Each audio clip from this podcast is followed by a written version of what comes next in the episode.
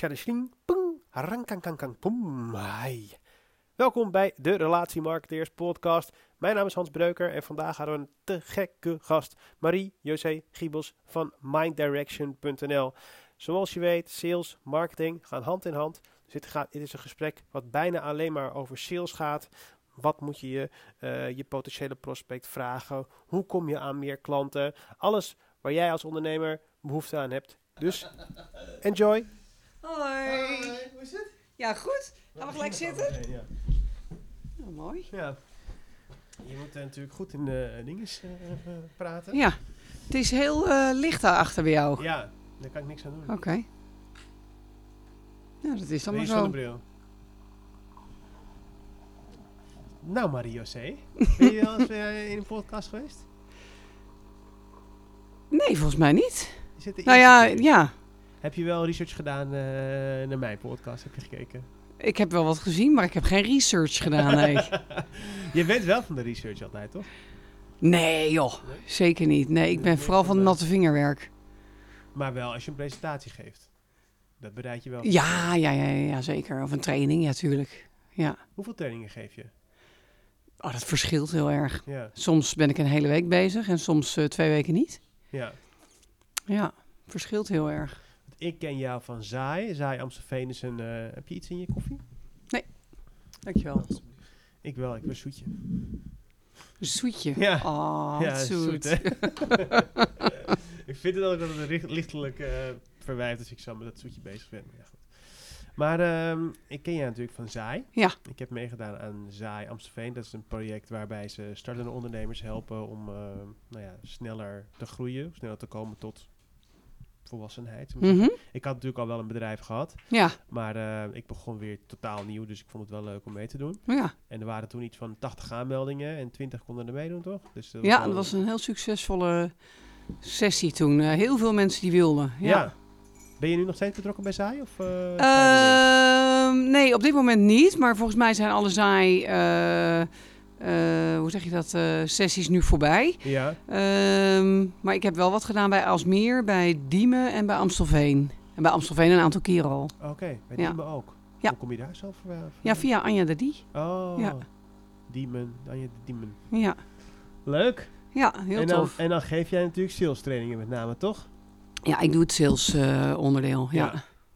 En van die jonge mensen, die, daar kun je wel echt snel... Nou, het zijn trouwens niet allemaal jonge mensen. zijn Nee, echt- het zijn niet allemaal hè, jonge dat- mensen. Dat je Nee. denken heel vaak, hè, Nee. maar dat is helemaal niet zo. Wel veel vrouwen, viel mij altijd op. Ja. Hoe komt dat, denk je? Nou, dat vind ik een interessante.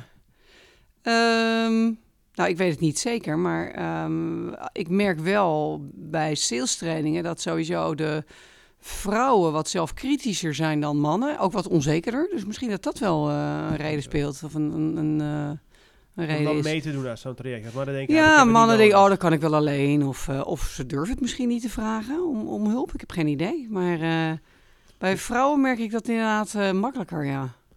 Dus ik heb een interessante anekdote daarover. Nou, Laat, voor de draad ermee. Bij Nest, waar jij ook, waar we elkaar vaak zagen, dat Ja. een bedrijfssamenkantoor in Amstelveen, Buitenveldert, zit een dame en zij schrijft alleen maar teksten voor vrouwenmagazines. Dat is haar eh, werk. Dus Ja. gewoon blogs, artikelen, van artikelen. En daar had ik het met haar over. En zij was toen bezig met een artikel waarin ehm, eh, waar, waar ze inging op het verschil tussen mannen en vrouwen en waarom mannen soms zo autoritair over een onderwerp kunnen praten waar ze eigenlijk helemaal niks van af weten en vrouwen minder. En dan ging ze, dat, dat was een aanname van tevoren. En ehm eh, kan jij stoppen met die appel? Lijkt me af, sorry. ja. Misschien later. is het. En ehm, eh, dat was dus heel grappig, want dan ging ze dus in op, op die aanname om te kijken hoe dat. Dan ging ze verschillende psychologen benaderen Ja? waar dat dan vandaan kwam. Mannelijke psychologen zeiden, nou, ik weet er niet zo heel veel vanaf, maar daar wil ik wat, o- wel, wel, wel wat over vertellen. En de vrouwelijke psychologen zeiden, nee, het is niet helemaal mijn eh, expertise, dus ik kan er niks over te vertellen. Dus zeg maar, Oh, dus hilarisch. het bewees zichzelf al meteen ja, door er onderzoek naar te doen. ook briljant. Ja, Ja. heel apart. Ik denk dat mannen inderdaad over het algemeen denken, oh, dat- oh ja, ik heb het nooit gedaan, dus ik eh, denk wel dat ik het kan. Ja, ja, ja, ja, ja. Maar, eh. En ik heb dat zelf eigenlijk denk ik ook wel vaak, ja. Ja, ik herken het bij mezelf ook wel een beetje, moet ik zeggen. Dus misschien dat ik toch een beetje de mannelijke inslag heb. Je hebt wat, ja, ja daar, wat, ik vind jou daar ook wel een, een, een, zeg maar, toen de eerste keer dat ik van jou een training kreeg, dat was zeg maar bij die muziekstudio in het Oh oude ja, dorp. ja, Toen dacht ik ook zo, hé, halleluja, hier staat iemand die wel eh, de mannetje staat, zeg maar. Zonder dat, dat, ja, zonder dat, ja, hoe noem je dat, die gewoon zelfverzekerd hier een eh, goede sales eh, training aan het geven is. Ja, En nou, die specifieke training heb ik natuurlijk ook al heel veel gegeven. Ja, en, eh, Maar goed, het was wel dat ik dacht, oké, eh, ehm, niet dat ik daar, zeg maar, hoe ga ik dit zeggen? Niet dat ik dan een vooroordeel heb dat vrouwen wel of niet in sales eh, goed kunnen zijn, maar eh, ik had ook nog niet heel vaak trainingen gehad. Eh, dus het was wel, ik dacht van, oké, tof is dit, weet je. ja. Ja. Ja. en hij was volgens mij ook wel wat, wat confronterend en uitdagend, die Ja. training. Een aantal Ja. vragen ertussen waar ik van weet dat mensen heel boos worden. Ja, Ja, ja vind je dat je voldoende ver- verdient en, ehm, en dat soort dingen. Ja. Het is wel grappig, want ik heb nu, dit is denk ik de vijfde podcast, denk ik. Vierde, vijfde podcast. En eh, twee mannen zijn er geweest en één dame. Maar die, dat was Bianca Combe. Nou, zij was wel, zij is wel heel erg zeker van de zaak. Dus dat is wel eh, eh, grappig om te zien. En de andere mannen eigenlijk ook best wel zeker van hun zaak. Dus iedereen die hier tot nu toe is geweest, die hebben niet zoiets van... Oh ja, dat weet ik niet. Of twijfels over hoe ze begonnen. Dat hebben ze allemaal niet echt Ja. heel erg. Ja. Maar ik merkte wel weer bij Zaai dat er heel veel onzekere vrouwen Ja. rondliepen die niet zo goed weten hoe ze, wat ze wilden, of ze wel, eh, hoe ze aan klanten moesten komen. Ja, Ja. Ja, heel herkenbaar. Nou, ik moet zeggen dat ik zelf ook wel echt last van onzekerheid kan hebben hoor. En tegelijkertijd soms ook heel zeker van mijn zaak kan zijn. ja. Maar eh, ja, als ik nieuwe dingen aan ben, dan kan ik ook echt wel denken, oeh, spannend. zoals wat bijvoorbeeld. Ehm, nou, een voorbeeld is, eh, ik ben, eh, ehm, ik zie mijzelf als, als eh, communicatiespecialist. Dus sales, een belangrijk onderdeel van sales is natuurlijk communicatie. Ja. En dan niet alleen de manier waarop je iets vertelt, maar vooral ook wat je hoort. Ja, En ehm, daardoor worden mij ook wel eens trajecten aangeboden ehm, die niet direct alleen sales zijn. Dus die niet te maken hebben met verkoop aan klanten, ja, maar ook te maken hebben met ehm, eh, onderlinge communicatie. ja, Eh, teams die, Oh, die eh, met elkaar communiceren. En ehm, soms ben ik bij een, bij een bedrijf of bij een team waar echt wel, nou, zoals je dat zegt, stront aan de knikker is. ja, ja, ja. En dat kan ik dan soms wel spannend vinden. Dat bereid ik heel goed voor. Oh ja. Ja. Ja, dat vind ik dan echt wel spannend. Dat ik denk, oeh, dan krijg ik het gevoel dat er een grote verantwoordelijkheid in mijn, eh, in mijn handen ligt. En ja. met sales ben je zo ervaren dat je dat, dat, dat, dat, dat, dat niet meer spannend vindt. Ook al is het ook een verantwoordelijkheid. Ehm, nee, dat heb ik inderdaad een stuk minder. Maar dat komt ook omdat, eh, voor mijn gevoel heb ik al zoveel... En, en, en eh, laat ik daar duidelijk over zijn. Ik heb echt niet het idee dat ik alle kennis al in huis heb. Hè? Nee, Want ik merk dat ik ook in sales alle dagen eh, opnieuw leer. Ja, Maar wat ik wel merk is dat eh, een heleboel vragen die er zijn, mij al gesteld zijn. En dat ik daar al een soort visie op ontwikkeld heb. Dus ja, dat ja, helpt me wel. Ja. En die visie, staat de, de, eh, de video goed aan? Ja? En, en, de visie die je ontwikkeld hebt, dat is wel, een- ik vind het wel een bijzondere. Het is niet zo dat er, tenminste, ik ken ook wel andere salescoaches, die hebben best wel vaak een, bijvoorbeeld een, best wel een stramien, weet je wel. Je begint hier en dan ga je dat doen en dan ga je dat doen en dan ga je dat doen. Dat is bij jou volgens mij wel iets minder. Ja, dat heeft ook te maken met het feit dat ehm, eh, als ik bij bedrijven kom en ik ga salestraining geven aan eh, een, eh, een salesafdeling, Ja, dan zie je dat er behoorlijk veel verschil is in, in niveau. ja, Dus wat ik wel probeer is dat ik ehm, het, en dat geldt trouwens ook voor ondernemers, hè, zo'n groep Ja. waar jij onderdeel van was. ja, er zitten ook sales trainers bij hè, in, die, in die groep. Dus, dus wat ik probeer is voor iedereen ehm, eh, de theorie zo te doen dat ze allemaal een stap kunnen zetten. ja. Ja. Sales en marketing hebben natuurlijk veel eh, raakvlakken. Dus Ja. daarom leek het me leuk om, om, om gewoon eens te kijken wat voor tips en tricks we kunnen geven, zeg maar. Want ehm, marketing moet eigenlijk zo zijn dat je je sales team eh, alle tools geeft eh, om de deals te closen. Zo, Mhm. zo simpel is het eigenlijk gewoon. De naamsbekendheid is vooral een heel belangrijk ding, vind Ja. ik. Wat heel, waar, waar heel weinig over gesproken wordt tegenwoordig. ja, is dat zo? Ja, ik weet het niet. Nou, ik volg natuurlijk veel eh marketingtijdschriften en ik eh, kijk op LinkedIn en eh, ik volg gewoon wel de grote dingen. En Ja. naamsbekendheid is natuurlijk wel een belangrijk onderdeel van, van marketingstrategie als mensen het schrijven. Maar voor MKB en kleine ondernemingen is het heel vaak, oké, ik ga nu een campagne doen en dat moet nu converteren. En vaak wordt naamsbekendheid dan vergeten, omdat het zo lastig te meten valt voor kleinere ondernemingen. Ja, voor kleinere zeker. Voor Ja. grote eh, is dat natuurlijk wel eh, Ja. goed meetbaar. Maar eh, het is ook een heel duur onderzoek. Ja, Ehm, ik zit niet in de pool van de grote jongens, Nee. daar wil ik ook niet mee werken. Dus, Nee. dus ik zit vooral in die kleine. En naamsbekendheid is dan, toevallig heb ik het nog laatst voor een rioleringsbedrijf dat gedaan. En toen merkten we dat we het heel veel ook op naamsbekendheid hebben gedaan. En dan gingen we daarna ging iemand bellen. Ja. Gewoon eh, offertes nabellen. En ge- proberen om aan tafel te komen. En de naamsbekendheid was heel hoog. En daardoor was de conversie op die telefoongesprekken veel hoger. Puur en alleen maar op naamsbekendheid. ja, Want als je iemand kent, is de kans groter dat je... ja, ja. eh, eh, Ja, nou absoluut. Want volgens mij bij zowel marketing als sales zie je de, ehm, eh, de gedachte dat ehm, mensen afhankelijk van de branche, maar gemiddeld zo minimaal zeven keer contact moeten hebben voor ze überhaupt overwegen om tot een aankoop over te gaan. Ja, ja, hè? dat is minimaal zeven keer. Dus, Weet je dat eh, ik daar... Ik heb daarnaar gezocht op internet voor, voor feiten. Maar ik kan ze niet vinden. Maar iedereen zegt het. Maar Ja. ik geloof het ook. want Ja, ik denk geloof dat het ook, veel meer, veel meer is zelfs, Ja. denk ik. Maar ehm, ik heb gezocht naar research daarachter en kon het niet vinden. Dus als Ja. mensen daar research voor hebben, graag. Want oh, ik wilde dan ben ik inderdaad ook wel benieuwd naar wat wilde- theorieën daar. eh, ja, want ik wil wie heeft het bedacht? Ja. Ja. want ik heb, wel, ik heb wel bijvoorbeeld, het is zeven keer duurder om nieuwe klanten binnen te halen dan een bestaande te behouden. Dat is gewoon, dat is Ja. niet mijn ding, maar dat is gewoon eh, Ja. eh, wetenschappelijk bewe- bewezen, zeg maar. Ja. Of, dat, er, dat, er, dat een bestaande klant 2 tot 300 procent meer uitgeeft. ja, Dat is een beetje die relatiemarketingbasis. ja, ja, Ehm, om te behouden en dus ook eh, meer upsell, cross-sell te gaan doen. Ja. je, daarom moet je sturen op loyaliteit. ja. Ehm, maar nieuwe klanten hoort natuurlijk ook bij marketing, weet je, klaar. Ja. Ja, ja, Ja. Het eerste wat precies. mensen denken, ik wil, ik wil groeien, is nieuwe klanten. Wat niet per se de beste manier is. Maar het dat is wel het eerste probleem wat mensen ervaren. Ik heb niet genoeg klanten, dus dat Ja. merk ik ook. En dat daar allerlei problemen achter liggen, Ja, hè, die, die daar de oorzaak van zijn. Dat eh, realiseren mensen zich vaak niet. Maar Nee. eh, want jij kan mensen helpen bij, het, eh, bij hun sales traject. Maar vaak heeft het niet alleen te maken met het sales traject. Zijn er ook onderliggende dingen zoals niet kunnen uitbesteden of... eh, Ik weet niet wat voor, wat voor onderliggende dingen daar nog bij zijn. Daar help je dan ook bij, toch? ja, dat ligt er wel aan wat het is. Want ehm, ehm, ondanks dat ik de neiging heb overal wel eh, bij te willen helpen, is dat gewoon niet handig. Ik heb Nee. een expertise en ik wil me daarbij houden. Ja. Maar ehm, ja, wat je heel vaak merkt is dat mensen bijvoorbeeld geen idee hebben wie hun ideale klant precies is. En als je het gevoel hebt dat je iedereen wil bereiken, dan krijg je dus eh, marketingteksten en salesteksten die niemand echt raken. En, en het is zo grappig. Ja, Ja. ja. het, weet je, ik weet dat er mensen zijn die daar helemaal niet in geloven. Die zeggen, nou, ik geloof wel in dat iedereen mijn klant is. Maar ik merk gewoon dat ehm, bij eh, de wat kleinere bedrijven... ehm, dat het handig is om precies te weten wie je klant is. Ja. ehm, waar ze tegenaan lopen.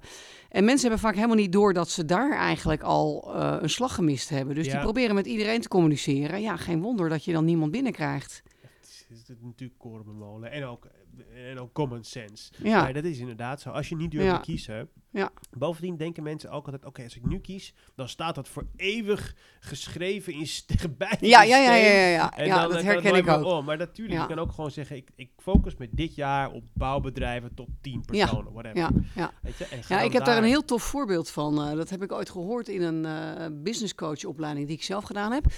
En dat ging over een, ehm, eh, een fysiotherapeut.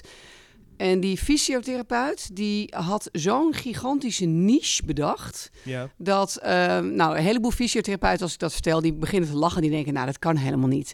Eh, zij specialiseerde zich in knieproblemen bij basketballende meisjes tussen de 13 en de 16 jaar. Nou, en dan denk je normaal bij een fysiotherapeut, iedereen gaat eh, naar de fysio die om de hoek zit. ja, ja. Ehm, maar wat blijkt nou? Dat er eh, bij eh basketballen en dan met name meisjes tussen de 13 en 16 een heel specifiek knieprobleem ontstaat of kan ontstaan. En de grap is dat ehm, als mensen daarop gaan googlen, dat Ja. zij dus tevoorschijn komt. Ja. Eh, volgens mij zit ze ook in Amstelveen. ja.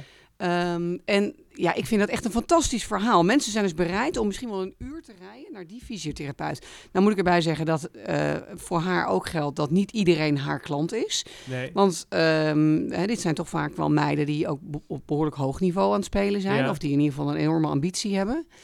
Ehm, en misschien ook wel ouders die het betalen, want zij, heeft toch, zij hanteert andere prijzen. Dat Ja, betekent ja, dus dat ook niet alles vergoed wordt. Maar zij is wel de expert geworden op dat Dan gebied. maakt dat vaak ook niet meer Ik uit. vind het briljant. Ik vind het zo'n mooi voorbeeld. Juist En bij. het loopt goed dus. en het loopt heel. ze zitten ramvol. ramvol. Ja. Ja. Dat is Gaaf, hè? Ja. Je moet dat dus wel durven. Ja. En ik denk ook dat als je onderneemt, dat je daar naartoe moet groeien. Dat, of Dat geloof ja. ik. Ja, dit geloof ik ja. zeker. Ehm, zeker als je net begint met ondernemen, dan zie je dat mensen toch wel een, een beeld hebben van wat ze leuk vinden. Ehm, alleen eh, vervolgens ehm, eh, hebben ze heel veel moeite om te gaan kiezen voor iets. Ja. En dat heeft ook te maken met het feit dat het doodeng is Ja. om iets uit te sluiten. Ja, ja, ja, vind ik ook. Ik heb daar zelf ook heel veel last mee eigenlijk. ja. Want ik denk dat wij heel goed zijn in e-mail marketing en in nou ja, LinkedIn posts of, of Facebook of zeg maar social media posts Mhm. schrijven. Daar zijn we, dat is onze expertise. Maar als ik met, met klanten aan tafel zit en we hebben dat, dan ehm, willen ze ook, je zeggen ze ook, ja, wat kunnen we nou nog meer doen, weet je wel? Zeg Ja. nou ja, hoe zit je met je AdWords of hoe zit je met je pre-roll YouTube? Ja. Oh, dat willen we, dat willen we ook. En dan ga je Ja. dat ook doen. ja. Terwijl ehm, dat gaat prima, maar het, het legt ook druk op je organisatie. Ja, absoluut. Daar hebben we het wel eens over gehad. volgens Ja, mij. ja, dus, ehm, Ja.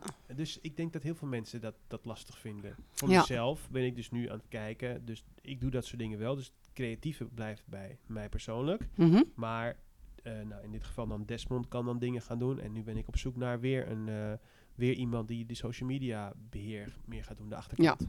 Ja. Omdat ik het, omdat als je het niet biedt ook, in dit geval, dan gaan ze ergens anders dat alsnog doen. Ja, nou, ik denk dat het ook wel past binnen een strategie. Hè? Ik denk Ja. als je jezelf neerzet als iemand die social media doet, dat is een ander verhaal dan iemand die echt kijkt naar een marketing- of contentstrategie. Dat is Ja. natuurlijk, hè, dan heb je een paraplu ontwikkeld waar ehm, veel makkelijker eh, zijstapjes in gemaakt kunnen worden. Ja, precies. Ja. Precies. En dan is natuurlijk ook nog het finan- financiële aspect, weet je wel, dat je er ook nog extra verdient. Ja. Wat je ook Ja. niet altijd per se eh, wil laten liggen. Nee. Maar Nou ja, en, en heel simpel, het feit dat je ervan overtuigd bent dat je mensen, dat je jouw klanten helpt daarmee. ja, ja, Dus dat ze daadwerkelijk eh, eh, toegevoegde waarde ervaren. En, en dat is denk ik in ieder geval mijn stokpaardje. Het gaat mij niet om een voet tussen de deur of nee, bluffen. nee, nee. Of wel echt iets leveren waar iemand op zit te wachten. ja, Ook al kan dat trouwens iets latent zijn. Want wat soms ze heb- niet weten. Nee, wat ze nog niet doorhebben, waar ze nog geen zicht op hebben. Ja. Wanneer ben je begonnen in de sales? Niet per se. Ehm, nou, maar Ehm, nee, nou, ik ben begonnen in de sales. Goh, moet ik even nadenken. Ik denk op mijn 19 al. echt waar? Ja, maar toen, ehm, ja, ik heb echt advertenties verkocht voor een. geleden eh, ja, en dat maal twee. jaar in het vak? Maar eh, nee, ik zit inderdaad al twintig jaar in het, nou ja, media sales vak. Ja. Maar ik ben begonnen als advertentieverkoper van een blad. ah. Van het magazine Plus. Bestaat dat nog steeds? 50 Is stu- het ja, dat is nog steeds een, eh, ik, ik vind nog steeds echt een prachtig magazine. Plus. Ja, het is een 50-plus magazine voor 50-plussers. Ja, heel mooi, eh, heel mooi blad. En, ehm, verkopen vind ik echt, eh, dat is echt, nee, dat is echt leuren ook Ja, een beetje. nou, ik was er ook echt helemaal niet goed in. Oh nee? Nee, ik was er echt... Nee, want er was een deel op commissie. Ja, ja. Nou, ik heb echt droog brood gevreten voor een half jaar. nee, ik was er helemaal niet goed in. Maar goed, ik denk wel, want ik moest dan eh, eh, in eerste instantie voor Plus, vervolgens voor Style Magazine, een, een blad dat bestaat niet meer, van Roularta Mediagroep in België. Maar toen moest ik echt eh, een wijk in Amsterdam in om daar bij de lokale ondernemer naar binnen te gaan. Oh, en ja. alhoewel ik een fantastische tijd heb gehad en heel veel plezier gehad met die ondernemers, Ja.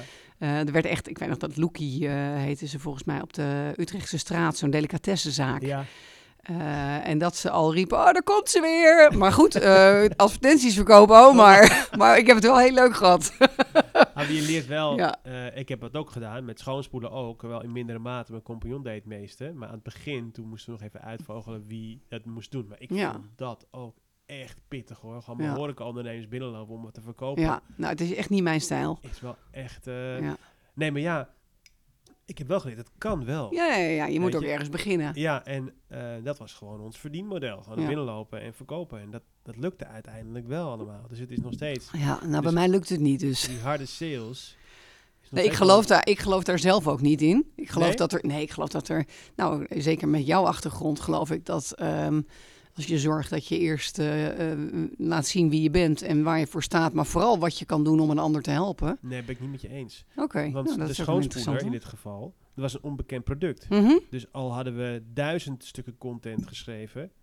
eh, ten eerste waren we dan ten onder gegaan omdat we gewoon dat die maand moesten gewoon geld verdienen. Ja, worden, Anders ja. kon ik mijn rekening niet betalen.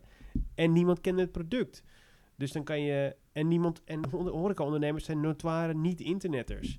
Dus die gaan niet zoeken. Nou, ik betere- geloof. nou, nee, nee, nee. We kregen niet bijna- internetters. Nou ja, Die bestaan toch helemaal niet nou meer, ja, eh, nou ja, tien jaar geleden had ik niet het idee dat ze, zich helemaal. eh te ik denk eh, inderdaad dat het tien jaar geleden wel wat anders was. Dus Maar- er was geen vraag. Dus die moet Ja. je dan gewoon keihard creëren. En dat doe je door Ja. eh keiharde sales, denk ik. Wat een grap trouwens dat je een product of een dienst gezocht hebt waar geen vraag naar was. Je had misschien ook iets anders kunnen kiezen. Ja.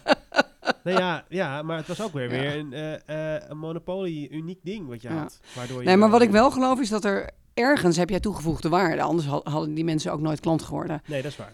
Dus als je erachter komt waar die, hè, welke oplossing jouw eh, toegevoegde waarde biedt, dan ehm, eh, hè, nu ben je langs gegaan. Ik moet altijd denken aan eh, Harry Mens, dat verhaal van hem, hoe hij ooit begon is volgens mij met de verkoop van bollen. En iedereen ging dan eh, in, in het bedrijf waar hij werkte, ja, bloembollen. Oh. Gingen ze langs allerlei mensen om bloembollen te verkopen. Ja, En hij zei, wat een onzin, ik ga ze gewoon bellen. Dus eh, die mensen die vier of vijf mensen konden bezoeken per dag... die, Ja. eh, die verkochten al dan niet aan die mensen. En Ja. Harry die belde gewoon 30 mensen per dag. En die had een omzet, waar u tegen zei. Nou, wat ik meer bedoel, is dat je ook anders kunt kijken naar... hoe kom je voor het voetlicht bij mensen, bij jouw potentiële klanten. Ja, En eh, volgens mij is dat waar jij je nu ook mee bezighoudt ja. bepaalde content en een, eh, een marketingstrategie die ervoor zorgt dat mensen geïnteresseerd zijn in wat jij, of in dit geval jouw klanten, te Ja. bieden hebben. ja. En ik zelf ook natuurlijk. Ja. Maar ik denk dat er altijd wel een plek is voor direct sales. Desalniettemin. ja, nou ja, dat geloof ik ook. Ik Maar was het is wel- gisteren. eh, Het is oh, wel dat- lekkerder als ze al een beetje suf zijn gebeukt met je boodschap. Dus dat nou ze ja, het is in ieder geval fijn als ze precies als ze weten eh, wat, je, wat je komt doen. Ja. Ja. dat helpt. Ja, dus ik denk Ja. wel dat eh, dat... En dat doen... eh, maar aan de andere kant... Ik, bijvoorbeeld telefonische verkoop. Ik merk dat zeker de jeugd bijna geen telefoon meer gebruikt. Zoals wij ze Nee, gebruiken. dat valt mij inderdaad ook Ze op. bellen niet meer. Nee, Ze vinden zelfs bellen. Ik heb laatst een onderzoek over. Als iemand belt, denken ze: wat de. Wat ja. belt. dus ze hebben. Jij hebt het ook. Jij, wordt ook jij, belt, jij belt alleen met je vriendin, denk ik. En verder met bijna niemand. maar ik hè? vind het echt heel grappig, want het is zo inefficiënt als de pest. Dat zeg ik tegen Ja. mijn zoon, die is nu Ja. 14. Heb je je buurjongen, daar loopt hij bijvoorbeeld van die krantjes mee eh, Ja. in de wijk. Heb je je al gebeld? Nee, nee, ik heb hem een app gestuurd, maar hij reageert maar niet. Dan denk ik echt, de, Ja. dan bel je hem toch even. ja, het zit er gewoon niet meer in. Ja. Maar heel veel mensen vinden het ook irritant om gebeld te worden, merk ik. Ja. Dus eh, dat is een nieuwe soort communicatiestrategie waarbij we. Want ik heb daar, daar- dat, dat onderzoek las ik ook dat mensen dan zeiden: ja, hallo, jij belt nu in mijn tijd. Ik bepaal zelf wel wanneer ik jou te woord eh, sta. ja. Ik heb zelf wel eens gehad dat mensen bel en dat Ja. ze wel terug appen. Zeg ik, kan Oh je ja. even bellen? Nou, bellen is niet zo lekker nu, maar appen wel. Ja, wat ben je aan het doen? Ja. We kunnen Ja. dit in één minuut met elkaar Ja. bespreken. Nou, of de irritatie dat iemand, eh, dat je kan zien dat de blauwe vinkjes aanstaan. Oh ja, Dus dat iemand eh, wel de boodschap heeft gelezen. ja. Maar dan krijg ik inderdaad van mensen te horen, ja, maar eh, ik, ik zie dat hij het gelezen heeft, maar hij reageert maar niet. Nee, en dan nee, nee. boos worden. Denk ik, nou ja, ja, dat we dus zo gewend zijn dat mensen meteen moeten Ja. reageren. Maar nu kun je die blauwe vinkjes uitzetten. ja, Wat ik ook irritant vind. ja. Want dan denk ik, wie denk jij nou dat je bent? Om die blauwe vinkjes uit te zetten, zodat je dan kan laten zien, ik heb, ik heb een beter leven dan om jou te laten weten dat wanneer ja ik dit zegt iets over jou hoor. Ja, ja, niet over het uitzetten van de blauwe vinkjes. Maar goed, die blauwe vinkjes zijn dus... ik denk dat die over een paar jaar helemaal niet meer zijn. Dat iedereen ze uitzet. Want dat ver- dan verplicht je je niet meer, toch? Ja. reageren. Ja, Dus dat is gewoon weer zo'n nieuw Ja. WhatsApp-ding. ja. Nee, maar ja, zo, zo gaat iedereen. Hè? Ook eh, aanbieders als WhatsApp eh, zijn ook bezig met het ontwikkelen. Dus eh, ik vind het ook wel interessant. Ja, Zeker omdat de ontwikkeling met dit soort dingen zo snel gaat. ja Vind ik wel Ja, leuk met om die- mee te met maken. die communicatie Ja. gaat dat echt snel. Ja. Maar aan de andere kant, waar ik dus heel erg, waar ik altijd een gigantisch bloedje dood aan heb. Het lijkt wel of het de Hans da Ergernissendag is. Maar is dat eh, als bijvoorbeeld speeches worden geopend in de steeds sneller versnellende moderne maatschappij, waar alles steeds sneller gaat. Dat zeiden ze honderd jaar geleden ook, namelijk. Weet je? Ja. Ja. het gaat Ja. sneller, maar dat is de continue. Het gaat altijd Ja. sneller. Dus Ja. dat hoef je niet meer te zeggen. Nee, dat is waar. Maar er is wel ergens een omslagpunt in wat eh, hersenen kunnen verwerken. En volgens mij zitten we daar wel een beetje in nu. D- dat is volgens mij ook gewoon aangetoond dat de verwerking van informatie gewoon echt verslechtert ehm, vanaf Ja. een bepaald eh, moment. Ja, op een gegeven Ja. moment gaat het snel. Ik denk dat de eh, technologische ontwikkelingen ook een stuk sneller gaan dan onze evolutie natuurlijk. Ja, en ik las ook laatst dat als je bijvoorbeeld je bent bezig met je werk, of je bent eh, weet je, diep werk, dus je bent bijvoorbeeld een offerte aan het maken of zo, weet je, dat vind ik altijd wel, moet je echt je kopie erbij hebben. mhm. Je krijgt een melding op je telefoon of nou een mail is, dan duurt het bijna 10 minuten voordat je weer op dezelfde concentratie Ja. zit als daarvoor. Ja. Maar kun je nagaan? Ja. 10 minuten. Ja. Ik, Nou, ik help sales eh, mensen ook met hun eh, time management. En ik moet altijd lachen, want time management is natuurlijk een totaal verkeerd woord. Alsof je de tijd kan managen, Ja, die gaat dus gewoon. zit eigenlijk gewoon werkzaamheden management. Ja, dat nee, is het eigenlijk, ja. Ja. ja. Maar Dus, vind eh, jij, dit is, nou, we, drijven af, maar WhatsApp is natuurlijk gewoon, iedereen heeft nu zijn telefoon. Dus iedereen is constant in contact met de buitenwereld. mhm. Vind jij dat het gewoon niet, maar vind je dat het mag verbieden op werkplekken? Nou, ik denk dat dat niet heel veel zin heeft. Volgens mij is dus bekend van alles wat je verbiedt dat daar meer aantrekkingskracht eh, van uitgaat. Maar ik denk wel dat het handig is dat mensen zich eh, realiseren eh, welke effecten dat heeft. En ik merk in die training die ik geef dat mensen daar echt geen idee van hebben. Nee. Pas als je samen met ze gaat nadenken en hoe lang duurt het dan voordat je weer eh, terug bent? Of, of herken je het dat je iets leest dat je denkt, oh shit, dat heb ik al drie keer gelezen en ik weet het nou nog niet. eh, Omdat je steeds wordt afgeleid. Ja, Dus ik denk dat die bewustzijn... eh, ik denk dat we daar wel meer naartoe gaan allemaal. ja. Ik denk dat we allemaal, maar het is ook logisch. Dat hoop ik wel. Het is zo langzaam, het is langzaam maar zeker zo in je systeem gekomen. En ik denk dat, ik denk dat we daar allemaal nu wel mee bezig zijn om het zeg maar een plek te geven in je dagelijkse bestaan. Ja. Als je je schermtijd ziet, krijg je toch wel eens van die wekelijkse samenvattingen. Schrik je Ja. altijd helemaal tering. Gewoon vier, Ja. vijf uur per dag schermtijd. Denk ik, hoe dan? Ja. Weet je wel? En ondertussen maar Oh. denken, oh, ben ik toch druk? Ja. Ja. ja. Maar ja, op mijn scherm. Ja, ik, ja op mijn scherm doe ik ook werk. Ja, ja, doe wel ook. veel werk. Maar dat zegt waarschijnlijk iedereen. Maar, eh, Ja. maar ja, het is wel, dat wil ik wel naar beneden zien te krijgen. Ik denk dat ik zo twee uur per dag eh, minder zou eh, kunnen doen. Ja. Ja, ja, ik denk het ook, ja. Ja. ja. en ook Ja. aan televisie kijken en dan niet je telefoon weg kunnen leggen. Vind ik ook heel irritant Ja. voor mezelf. ja. ja, ik zie het bij mijn kinderen. Ja, oh ja. Dat je denkt, jeetje, en dan ook nog... eh, nog groter. Ja, Nou, echt. En dan staan ze eens bijvoorbeeld eh, eh, Fortnite of eh, FIFA. Mijn dochter speelt dan graag FIFA. En dan ondertussen, ehm, eh, bij het laden van een nieuw spel, dat duurt misschien drie seconden of weet ik veel hoe lang, dan even gauw die telefoon erbij pakken. Ja. Ja, doe ik ook. Ja. Ik doe wel in de lift al, weet je. Ja. echt, ik zei Maar ik heb heel bewust een, eh, hele suffe hobby misschien gekozen. Ja, als ik het vertel, kom je niet meer ja, bij. ja, ik wil het horen. Ja. Breien. nee, nou, zit er niet ver naast. Nee, ik heb ooit toen mijn dochter een jaar of twee was, heb ik een poppenhuis eh, gemaakt voor haar. En eh, toen bleek ik een voetbaldochter te hebben. Dus het was hilarisch, want ze vond er natuurlijk helemaal niets aan. Nee. Dus die heb ik uiteindelijk aan de buren gegeven. Maar eh, ik vond het eh, maken van zo'n poppenhuis zo leuk om te doen. Dus ik ben nu begonnen aan een poppenhuis. Nou, mijn kinderen zijn 12 en 14. Dus ik heb er twee van 12 en een van 14. En die hebben helemaal geen interesse in dat poppenhuis. Maar ik heb gezegd, nou, ik ga dat doen om niet de hele tijd op mijn telefoon te hoeven Oh, zitten. ja. Dus ook als een soort, eh, nou, ik heb er plezier in. En die kinderen hebben nu allemaal gezegd, oh, nou, eh, wij willen wel meedoen met die challenge. Maar dan eh, willen wij een ook een kamer inrichten. nou ja, als je het een challenge noemt, dan begrijpen ze het beter. ja, maar eh, eh, ik zeg, ja, ik wil gewoon die telefoon wat meer eh, aan de kant hebben. En dan eh, ga ik... ehm, eh, dat poppenhuis maken. Dus ik ben nu bezig met de buitenkant. En straks eh, gaat de inrichting plaatsvinden. Nou, daar kan ik me dus echt op verheugen. Wat Een schilderijtje aan de muur maken. Ja, ja, ja, en de meubeltjes zelf. En eh, nou, de kinderen gaan dus ook ieder een kamer inrichten. Oh, dat is wel leuk. ik heb gelijk de keuken geclaimd, want die vind ik het leukst. Ja, dat is wel een goeie. Ik denk dat we daar steeds meer naartoe moeten gaan, inderdaad. Gewoon zo'n bewuste Zo'n truttige hobby. Ja. Ja, Ik had dus schilderen als Ja. hobby. ja, Maar daar heb ik weer een soort van werk van gemaakt ook weer. ja. Ben ik weer, Zonde is dat, hè? weer vet aan het verkopen en eh, publiceren, ja, adverteren. En eh, dan ben ik ook weer vet aan de marketing daarvoor. dus allemaal hobby's, wil ik Bloed, er even eh, weer waar niet gaan gelden maken Ja. of zo, weet je. Super irritant. Oh ja, nou dat is hier in ieder geval niet de bedoeling bij. Nee, precies. Eh, maar mocht het aan het eind zo zijn, want als ik klaar ben, dan is het ook klaar, weet Ja. je. Ik ga er niet mee spelen. nee. Het maken Nee. gaat het bij Ja, om. ja, ja, ja, ja. dus die hobby's. Dus het is wel belangrijk om die boog af en toe te ontspannen. Ja, ja, dat nou, ik moet zeggen, dat, dat kan ik wel goed hoor. Ja. En daar helpt wijn ook bij, vind ik altijd. Ja, wijn. Mm, wijn. Want je Ja. zit ook bij een ondernemersvereniging. Da- Daar, daar zien we elkaar ook Ja. geregeld. En daar drinken we wel eens een wijntje. Ja. ja. Haal je daar wel eens eh, handel uit? Ja, absoluut. ja. Ja.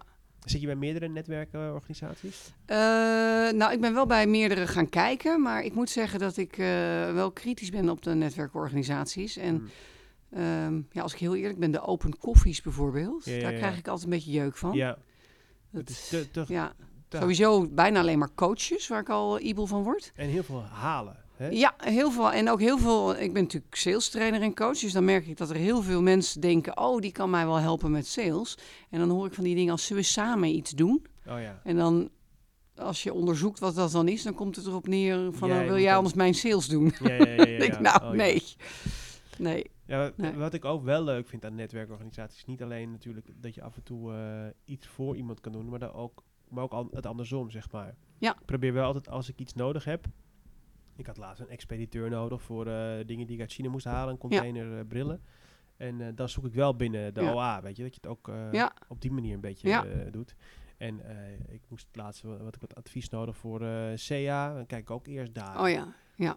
Ja, dat is leuk. ja. Ja, en ik vind ook eh, wat dat betreft, de organisatie valt, valt of staat met de leden die er zijn. ja. Ehm, en ik vind het fijn. Er zijn behoorlijk wat ZZP'ers, maar er zijn ook Ja. grotere bedrijven. Dat vind Ja. ik ook fijn, die afwisseling. Ja, Ehm, maar wat ik ook heel fijn vind, is de, de rol van de directeur Darshan. ja, Die vind ik briljant, want die, dat is zo'n verbinder. Als ja. je met haar praat over wie heb je nodig, dan krijg je direct eh, Ja, van... meteen. oh, nou, dan moet je die eens bellen of ik Ja. zal eens peilen.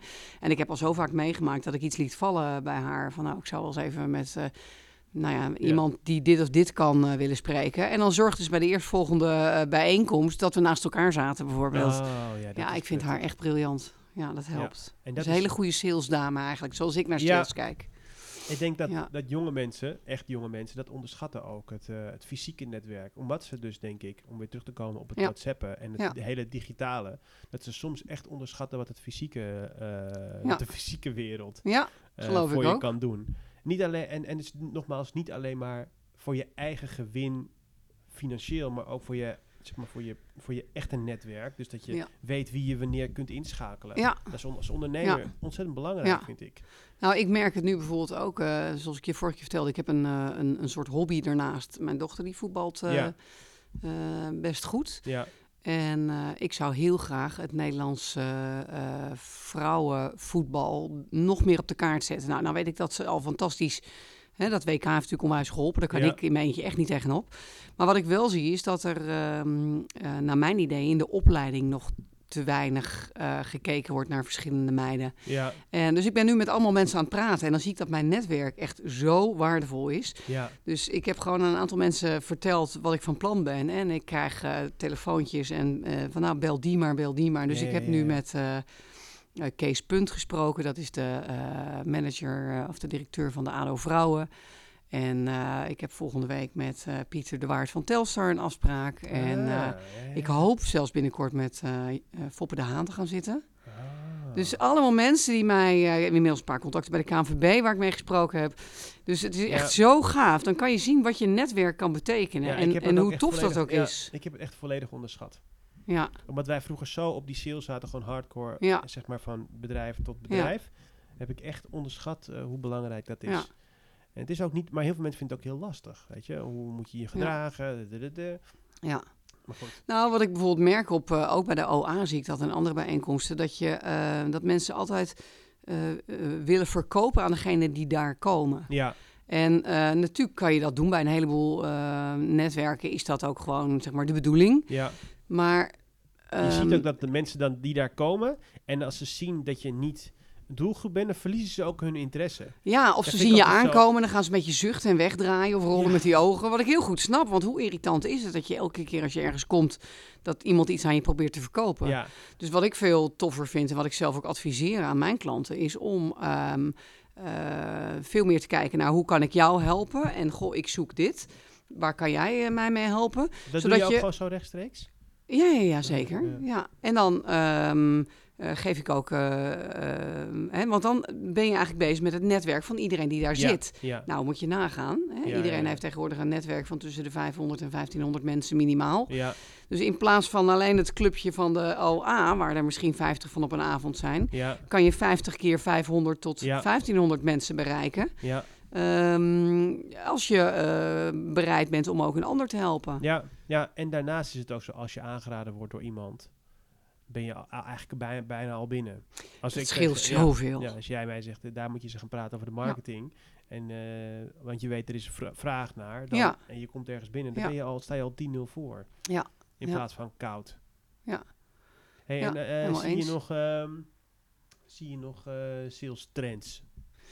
Nou, daar hou ik me in die zin niet heel erg mee bezig. Omdat ik een. eh, laat ik het zo zeggen, mijn, eh, zoals ik mijn rol zie, is vooral dat ik. Nou, jij noemde het eigenlijk al. Dat ehm, eh, het, het, het fysieke contact met anderen. Dat dat eigenlijk heel erg naar beneden gaat. Dat mensen Ja. echt gewoon communicatieskills aan het verliezen zijn. Ja, ja, ja. En. oh, zo, ja. ja, dus wat ik zie is dat als ik bij bedrijven ben, dan ehm, zelfs al zitten mensen soms al twintig jaar in het vak, dan ehm, eh, zie je dat er nog dingen misgaan waarvan je denkt, goh, dit, dat, weet je, dat had veel eerder getackeld kunnen worden. Super zonde. Ja, Ehm, eh, het is zo bekend, maar open vragen stellen. Iedereen weet dat dat moet.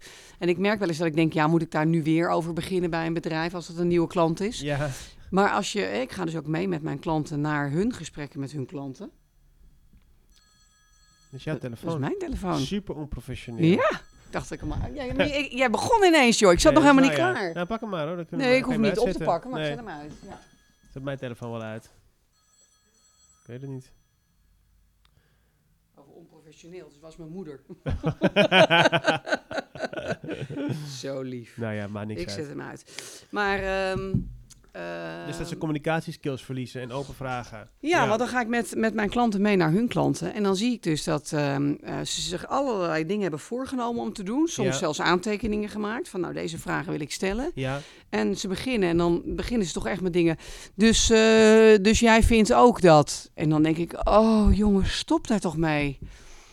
Het is ongelooflijk. Als ik dan aan het eind van het gesprek vraag van hoeveel open vragen denk je eigenlijk gesteld te hebben? Nou ja, ja, twintig misschien wel. Ik zeg, nou, ik heb er één genoteerd. Oh.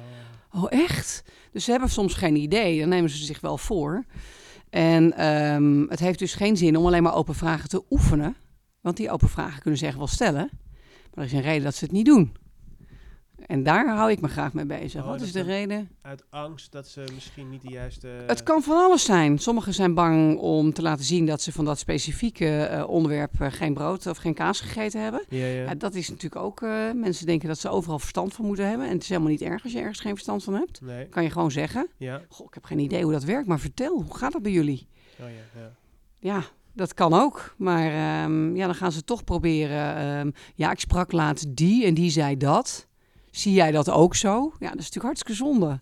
Dan mis je echt eh, zeg maar de, de potentie van zo'n gesprek. En dan luister jij mee met sales Ja. calls. Ja, nou niet alleen calls, ik ga ook mee naar hun klanten. Dus we Oh, gaan ja. fysiek, ga ik mee. Dat lijkt Ja. me wel echt gek. Ja? En hoe stel je je dan voor?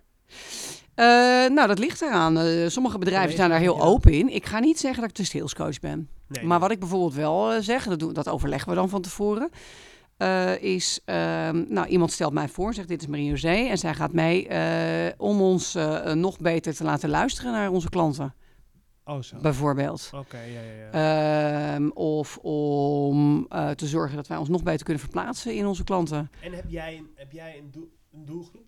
Is het een zijn er bepaalde bedrijven waar je graag voor werkt? Ja, absoluut. Sowieso dienstverleners en liever geen producten. En dat heeft te maken met het feit dat ik heel erg geloof in de ehm, adviserende rol, de consultancy-rol, zeg maar, die je kunt hebben als je diensten eh, verkoopt. Ehm, en, ehm, B2B is het dus dan? Ja, Dus, eh, ja. vaak. Ja, inderdaad. Het is vaak B2B, maar niet altijd trouwens. Ehm, en wat ik eh, fijn vind als ik naar bedrijven kijk, ik vind het wel fijn als er een echte salesafdeling zit. Ja, Ehm, in ieder geval mensen die officieel zeg maar sales op hun profiel hebben staan. Ja. Want ehm, eh, dat helpt ook in waar je je als sales trainer mee kunt bemoeien. Dus eh, hè, je, ik kijk ook graag naar wat er dan, eh, hoe ze onderling samenwerken bijvoorbeeld. Ehm, Processen. ja, ehm, en wat ik verder belangrijk vind is dat het mensen zijn die openstaan voor sales zoals ik erin geloof. En dat is dus niet met je voet tussen de deur, niet bluffen, niet doen alsof. Liegen ben ik absoluut wars van. Dus, eh, maar ik weet dat ze er zijn. Er zijn bedrijven die, Ja. die, die dat doen. Nou, daar moet je mij niet hebben. Dat vind ik echt Heb je dat vreselijk. stuk gelezen over Oracle?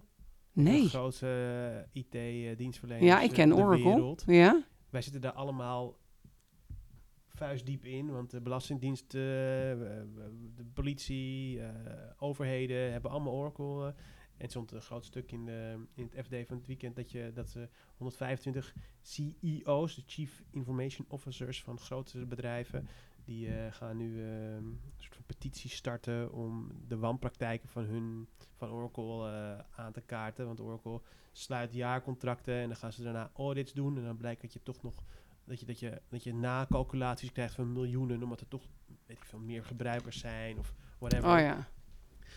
Dus dat, is wel, Ja. dat zijn wel leugenachtige.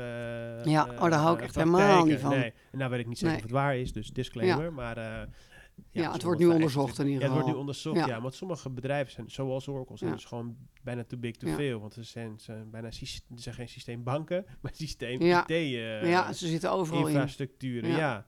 Daarvoor Ja. kost het ook zoveel voor die gemeentes om, eh, om die IT eh, op, op orde te krijgen. Ja. Het is zo Ja, maar ik snap niet dat je naar jezelf kunt kijken als je dat zo doet, weet je. Als, als ik eh, een van mijn klanten jaren later spreek en die Nee, kan nog denk- dingen teruggeven die, die die van mij geleerd heeft, Ja, daar word je toch blij van? Ik denk dat het, dat het ook weer te maken heeft met die perverse prikkels. Ik denk dat, dat er dus...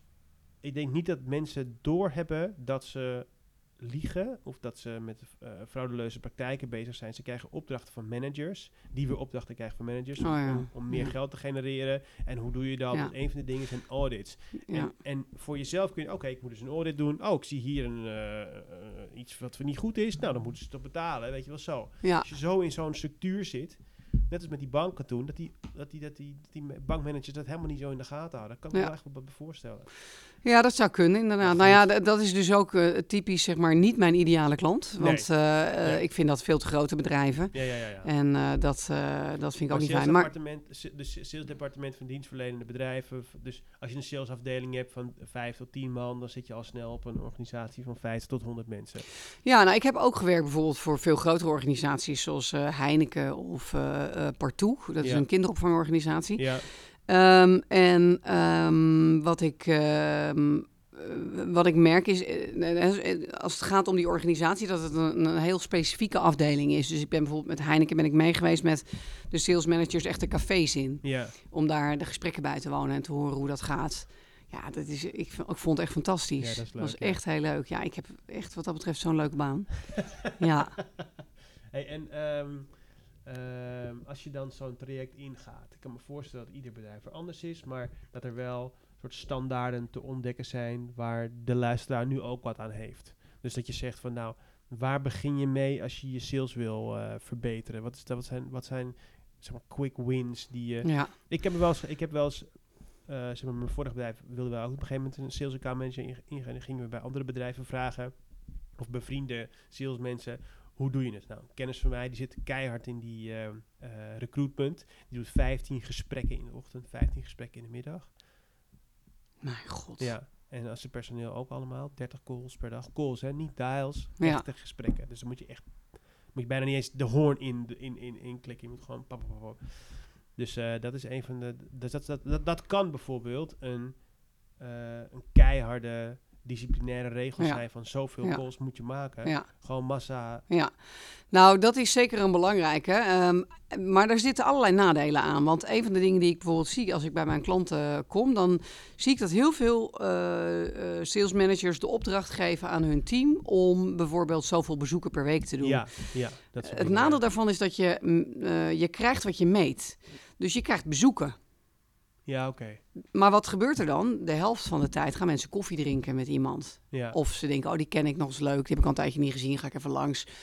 Ehm, en, en weet je, natuurlijk heb je bezoeken nodig om klanten te hebben. Maar Ja. ik zou het veel liever omdraaien. Ik zou veel liever hebben dat managers ehm, veel meer met de, eh, de inhoud van die gesprekken eh, helpen. Dus wat je ziet is, het begint al bij een telefoontje. Mensen weten eigenlijk niet goed hoe ze een klant moeten bellen. ja. Dus die bellen en, en een die prospect beginnen... of een, of een bestaande Eh, klant? nou, een prospect dan bijvoorbeeld. Dus die beginnen met eh, eh, vertellen waarom zij denken dat het handig is als ze langskomen. Eh, hè, ik heb misschien wel iets interessants en dan gaan ze vertellen over wat zij denken. ja. Maar zo werkt het natuurlijk helemaal niet. Nee. Een eh, klant is pas geïnteresseerd als het voor hem of haar interessant is. ja, Nou, dat wordt al lastig als je iemand helemaal nog nooit gesproken hebt. ja, Dus ja, ik kan me voorstellen dat het kan helpen om wat aandacht te besteden aan het voortraject. Wat doe je voordat je iemand gaat bellen? En eh, dan zie je dat die conversie ook veel meer omhoog kan. En wat bedoel je dan met wat doe je voordat je iemand? Ehm, nou, je kunt. eh, ik ben bijvoorbeeld echt een grote fan van LinkedIn. Ja. Dus ehm, ik zou zeggen, zorg dat je. want niet alleen op de website kijken, dat zijn van die dingen. Ja, ik zag op jullie website. Ja, je gelooft het niet, maar het gebeurt nog steeds. Dat, dat mensen bellen met de opmerking: Ik zag op jullie website. Ja, ja, ja, Dan denk klopt, ik, ja. oh, Dat ook wel eens, ja. ja, maar ehm, waar het om gaat is dat je eh, je echt verplaatst in zo'n bedrijf. En dat je dus een toegevoegde waarde kunt leveren. Maar dat je bijvoorbeeld op LinkedIn gaat kijken van nou wie ken ik die eh, een connectie hebben met dat bedrijf. En dat je gewoon eens vraagt, joh, wat is dat voor bedrijf? En ehm, eh, dat je gewoon wat onderzoek doet voordat je gaat bellen. ja. Ehm, het is natuurlijk het makkelijkst om te denken, ik bel gewoon en hopelijk krijg ik een Ja, gesprek. ja. In plaats van echt... Weet je, en er zijn ook bedrijven die zeggen koud bellen, dat is de manier. Ik denk zelf dat je ehm, beter eh, tijd kunt steken in eh, het warm maken voordat je gaat bellen. Ja, hoe doe je dat dan? Eh, nou, Met door onder andere, bijvoorbeeld met marketing. Dank je. Tuurlijk, het is een heel systeem. Ja. Maar ook door je netwerk om hulp te vragen. En zeg je, joh, ik zie dat jij die en die kent. Kan je er iets over vertellen? Of hoe goed ken je die? Ehm, En is het dan, er is zo'n uitspraak, focus on the few, not the many. Dus is het echt zo van, oké, ik wil, deze klant wil ik echt hebben. Ja. In plaats van, ik ga er twintig benaderen en... eh, Ja. Dat vind ik soms ook wel lastig hoor. Dat je echt denkt, oké, ik ga voor dit, voor deze. Ja, nou, het grappige is dat ehm, op het moment dat je ehm, echt denkt, deze wil ik heel graag hebben, dat er vaak ook, hè, er gaat een, je hart gaat sneller kloppen. Er is iets waardoor je denkt, deze klant die zou ik heel graag willen. Ja, en het kan helpen om dat voor jezelf helder te hebben. Wat maakt zo'n klant nou zo interessant? ja, Ehm, en waarom zou zo'n klant dan met jou willen werken? Probeer dat eens te bedenken. Wat zou voor die klant nou een reden zijn om met jou in zee te gaan? ja. En niet marketing in het algemeen, hè, in jouw geval, maar met jou. Nou ja, een van de dingen die ik riep over, eh, over jou voordat ik hier kwam, is dat ik jou best een eigenwijs stuk vreten vind. Eh, en dat vind ik heel erg leuk. Ja. Ehm, dus dat zou een reden kunnen zijn voor iemand om met jou eh, in gesprek te gaan. ja, Omdat jij doet wat anderen niet doen. ja. Of omdat jij eh, de ballen hebt om kritisch te zijn. Eh, ik denk dat dat ook heel verfrissend kan zijn. Dus er zijn absoluut klanten die daar eh, helemaal geen trek in hebben. Nee, zeker. Die ken ik ook, ja. Ehm, ja, die kun je. Nou ja, dat zijn misschien geen klanten. Nee, nee, nee, dat zijn geen klanten, nee. nee. Maar er zijn natuurlijk ook mensen die dat wel heel fijn vinden. Dus Ja. ik denk, en dat is precies weer die reden waarom je, naar mijn idee, goed na moet denken over wie jouw ideale klant nou is. Ja, En eh, bij mij ook, eh, als mensen inderdaad trucjes eh, willen. Ik hoor ook wel eens managers zeggen, ja, misschien moet je die eerst breken voordat je iets kunt opbouwen met een persoon. Nou ja, dat is niet mijn stijl. Ik ga geen mensen breken. Oh. Wat ik wel kan doen, is om met ze te gaan zitten en te horen wat de reden is dat ze nu bepaalde dingen niet doen. Ehm, hè, dus waarom, waarom stel je geen open vragen? Of waarom vraag je niet naar hoe een klant de vorige, het vorige traject met jullie vond? ja, Ehm, en dan gaan we er samen achter komen wat de achterliggende gedachte is. Maar ik ga niet mensen breken. Want dus als je, Ja. stel je bent nu eh, een wat kleiner bedrijf, je bent zelf, de, je bent zelf de, over het algemeen, de meeste directeuren doen nog steeds de sales. mhm, tot tien man wordt er vaak nog steeds zelf, Ja. zelf eh, ja, lijkt me ook heel goed. bedrijfsgroei gezorgd. Dus dan is, hoe, hoe benader je dan vanuit sales een prospect? Dus je zegt eerst, Dus kijk naar welke klant je graag voor wilt werken. Ja. Kijk naar of je connecties Ja. hebt met diegene. En ga dan, en dan gewoon bellen? Of, eh, Eh, ja, ik zou niet zo snel gewoon bellen. nee. Ehm, maar je kunt wel kijken of je zo iemand tegen kunt komen, of iemand uit het bedrijf, of dat je mensen kent die dat bedrijf kennen. Ja, Ik heb liever dat ik aangeraden word, daar Ja, hadden we ja, het net al over, dan dat. ehm, en dat is sowieso iets, dat is echt heel grappig. Dat is de eerste winst waar, waar heel veel bedrijven ehm, eh, iets laten liggen. En dat is gewoon aan je huidige te klant, eh, tevreden klanten vragen. ehm, aan wie zou je mij kunnen aanraden? Of wie Hmm. denk je die nog meer baat zou kunnen hebben bij, eh, bij wat ik jou bied? ja, Ehm, en dan zie je dat daar maar zo soms wat namen uitkomen. En in plaats van zeggen, oké, dan ga ik die bellen, kan je ook zeggen, joh, zou, zou jij het oké vinden om die mensen over mij te vertellen en te vragen of het goed is als ik ze bel? En dan is het al een heel ander verhaal. ja. Oh, dat vind ik ook wel een lastig hoor. Om dat te vragen. Ja. ja. Terwijl het eigenlijk heel goed is om regelmatig met je Ja. klanten te praten over waar ze dan zo tevreden over zijn. Ja, Eh, en waar niet natuurlijk. ja. Ehm, ja, dat is ook onderdeel van relatiemarketing. Absoluut. En jij zegt het zelf al, eh, je kunt beter. Het is zeven keer duurder om nieuwe klanten binnen te halen dan een bestaande klant te Ja. houden. Ja. Eh, en dat heeft ook te maken met hoe verzorg je ze. Ja, en, en eh, daar, daar komt nog bij kijken dat 80% van je toekomstige, toekomstige omzet komt van je huidige klanten. Ja. Weet je? En als je dat, dus, dus je weet, Ja. als je volgend jaar in ieder geval wil plussen, dus je je huidige klanten moet behouden.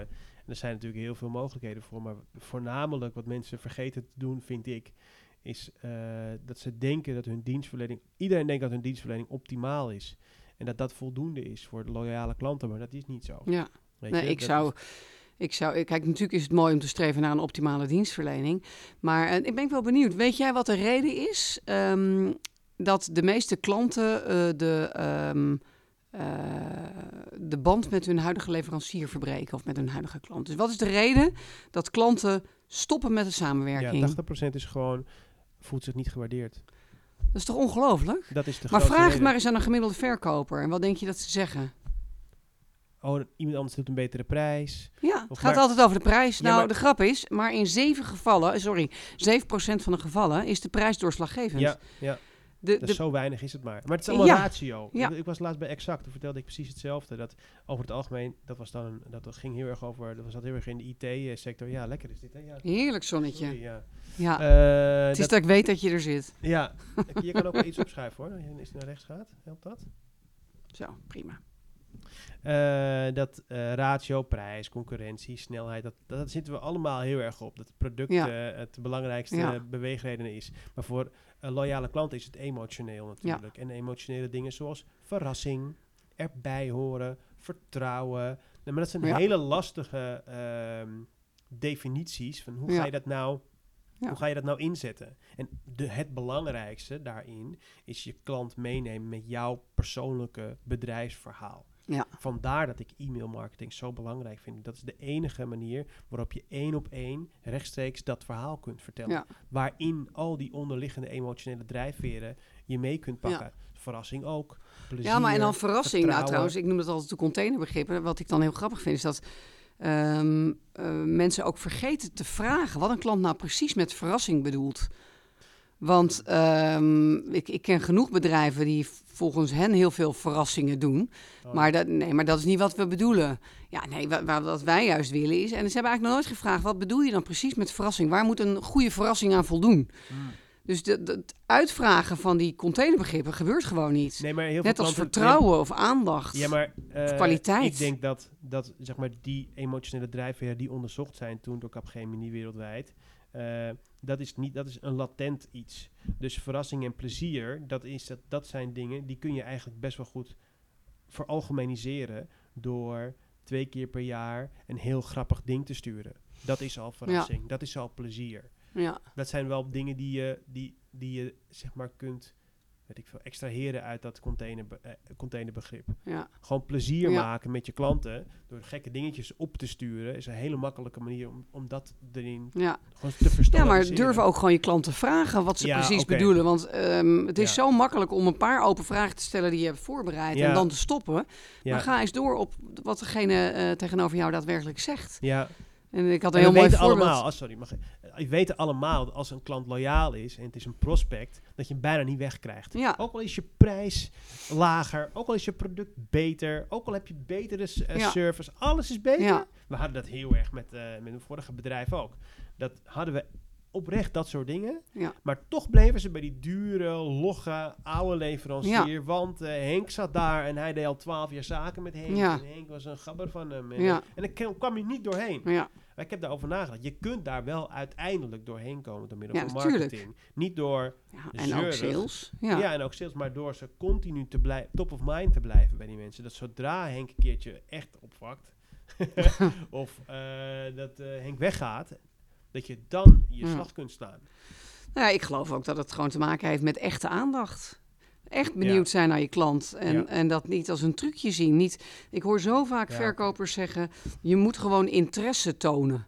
Nou ja, volgens mij heb ik dat in de training met jou ook wel eens eh, gezegd. Ik vind dat echt, ik moet er gewoon om lachen. Je hoeft helemaal geen interesse te tonen. Je moet gewoon interesse hebben. Je hoeft het niet te tonen. Oh ja, dan Je moet het gewoon hebben. Ja. Ja, dus interesse tonen zegt iets over wat je wil dat een ander opvalt. Maar als je echt interesse hebt, dan ben je daar helemaal niet mee bezig. Dan ben je gewoon benieuwd, hoe zit dat eigenlijk met jou? ja. En, eh, Maar denk je niet dat dat. ehm, en denk je niet dat heel veel salesmensen gewoon in het vak zitten om geld te verdienen? In plaats van oprechte interesse? Of niet? Nou, dat zou heel goed kunnen. Maar eh, wat ik denk is, waarom zou je niet oprechte interesse hebben? Dat maakt je vak toch veel leuker? ja, Sterker nog, je verdient er ook nog veel meer geld mee. Dus Ja, dus dat moet je bijna leren aan iemand. Nou, ik, het is misschien mijn, mijn eh, vooroordeel van iemand die, in de, die echt een keiharde sales eh, tijger is. En, eh, en gewoon vooral gaat voor de bonus en de snelle auto's en zo. Dat, dat Ja. beeld heb je toch een nou, die beetje kom ik niet veel tegen. En Nee, ik denk hè? ook dat die niet echt bij mij passen. Nee. Ik geloof wel in, in, in, veel omzet. Ja, natuurlijk. Ja, En ik geloof ook in dat je meer omzet kunt halen uit bestaande klanten. oh zeker. Maar niet, ehm, hè, de, het, het idee daarachter moet echt zijn dat je begrijpt dat je toegevoegde waarde hebt voor iemand. En dat is in ieder geval iets wat ik heel veel zie bij bedrijven. Dat mensen geen idee hebben van de toegevoegde waarde die ze leveren. ja. Eh, ik kan me herinneren ooit, ik heb zelf kom ik uit de uh, te media- en gecom- Dat het heel reclamewereld. erg gecompliceerd maken. Dat het een heel technisch verhaal wordt. Nou Ja, of, of iets anders. Want ik weet nog dat een. eh, ik vroeg een jongen die, eh, die vertelde in eerste instantie van. eh, goh, ik eh, eh, verkoop reclamezendtijd op radio. Ja, En ehm, ik zeg nooit wie ik ben. Dus ik zeg wel mijn naam, maar ik zeg nooit de naam van mijn bedrijf. Dus ik zeg alleen maar voornaam als Oh ja. ik bel. Dus ik zeg, oh, waarom doe je dat dan? Nou, dan eh, denken ze dat ik een bekende ben. En dan verbinden ze me eerder door met een goeie. Dus ik zei, oké. Maar waarom wil je dat dan? Ja, anders kom ik niet eens door de gatekeepers heen. oh ja. Dus ik zei, oh, wat grappig. Dus ik zat zo eens na te denken en ik liet dat eens bezinken. Dus ik zeg, goh, wat verkoop jij eigenlijk? Nou, zei hij, ik verkoop eh, gebakken lucht voor heel veel duur geld. Oh, lekker. Nou, en dan begrijp ik dus direct waarom je dat Ja. zo aanpakt. Ja, Terwijl als je ehm, eh, echt nadenkt over wat kan ik betekenen voor een klant, dan heb je een serieuze oplossing voor een eh, probleem waar iemand al langer mee rondloopt. Ehm, dus je kan iemand echt daadwerkelijk verder helpen. ja. Maar met die gedachte ga je misschien wel zeggen van welk bedrijf je bent, maar ik moet daar zo om lachen. Dus de manier waarop je eh, contact zoekt met een klant, ja, dat is van essentieel belang. Als je Ja. er zelf overtuigd bent van dat je iemand kunt helpen, dan is dat een heel ander gesprek dan als je stiekem met allerlei trucjes probeert binnen te komen en zo lang mogelijk wacht met jezelf revealen. Ja, ik moet gewoon lachen. ja, dat vond ik een hele, want ik heb niet alleen die training toen bij Zaai gevolgd, ik heb toen nog een training bij gevolgd.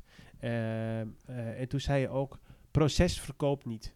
Ja, Toch? Dat is toch Ja. eh, jouw... eh, ja procesverkoop niet. Nee. Nee. wat bedoel Er je zit niet, nou ja, er zit natuurlijk niemand te wachten op een training. Nee. Dus ik ga geen training verkopen. Nee. Ik verkoop wel ja's van jouw mensen aan hun klanten. En ik help ze ook om ehm more business uit bestaande klanten te halen. Dat Ja. zijn problemen waar mensen tegenaan lopen. Mensen willen geen training. Nee. Sterker nog, ik vertel vaak niet eens wat ik precies ga doen in een training. Je Ik vertelt vertel dus... alleen maar wat de resultaten zijn. Ja, precies. Ja, En hetzelfde geldt dus voor alle bedrijven. Dus als ik voor mezelf, ik zou, ik zou niet zeggen van... eh, ik, je verkoopt eh, geen social eh, media. Wie wil nou social media hebben? ja, ja, precies. Je verkoopt top of mind zijn. Dat je wel Precies. top of mind blijft. Ja, precies. Ja, Ja. ja. En he- maar heel veel, je ziet heel veel bedrijven nog steeds heel erg op proces zien. Ja, we gaan het dan eerst zo ja nou zo, daarom. Dus wat dat betreft, er is genoeg te doen. ja, En het is echt een heel groot verschil. Hè? Ik weet nog bij Zaai ook, hebben we daar ook eens naar gekeken van, nou, wat verkoop je eigenlijk? Ehm, en dat mensen in eerste instantie de pitch moesten doen aan elkaar. Dat Ja. is dan zo'n oefening die ik wel eens doe. En de eerste pitch is dan bijvoorbeeld dat mensen gaan vertellen wat ze verkopen. Nou, eh, en dan krijg je de een die zegt, nou, ik, eh, ik bouw eh, huizen. En de volgende die zegt, nou, ik, ehm, ehm, eh, ik ben kindercoach en ik eh, doe gesprekken met ouders en kinderen. En dan, eh, nou, ja. weet je, dus... Wat- dan vertellen ze wat ze doen. Vertellen ze wat ze doen, maar Ja. niet wat het oplevert. Nee, nee, nee, precies. Dus als je aangeeft, ik help bedrijven met het halen van meer omzet door hun eh, gesprekken met hun klanten te verbeteren en waardevol te maken, dan is dat een heel ander verhaal. Dames en heren, dat was een pitch. ja, nee, zie, dat was, ja, maar dat is, Ja, maar dat is het verschil. Ja, dat vond ik ook heel lastig. Maar aan het begin, omdat, omdat zeg maar die, die elevator pitch heel, heel Ja. kort en krachtig te houden. Ja, Dat is ook lastig. En het helpt ook voor netwerkborrels. En dan zie je ook heel vaak dat mensen eh, dat niet goed kunnen. ja, Eigenlijk zou iedereen gewoon, zou iedere ondernemer gewoon zo'n korte training moeten Ja. hebben om dat, om alleen Ja. al die elevator Ja. pitch te kunnen. Nou, Soms en je weet je ook, ja, wat doe ik allemaal? Ja, wat doe ik allemaal? ja, Oeh. ja. Dan denk ik, ook, ik wil het niet eens weten. Nee, Dat ken je niet. ja. Oh ja, ik had laatst ook iemand. Ik ben presentatrice, ik ben actrice, ik doe aan zingen, ik kan eh, eh, dagvoorzitter zijn. Oh, dan weet ik wel eh, wie jij bedoelt.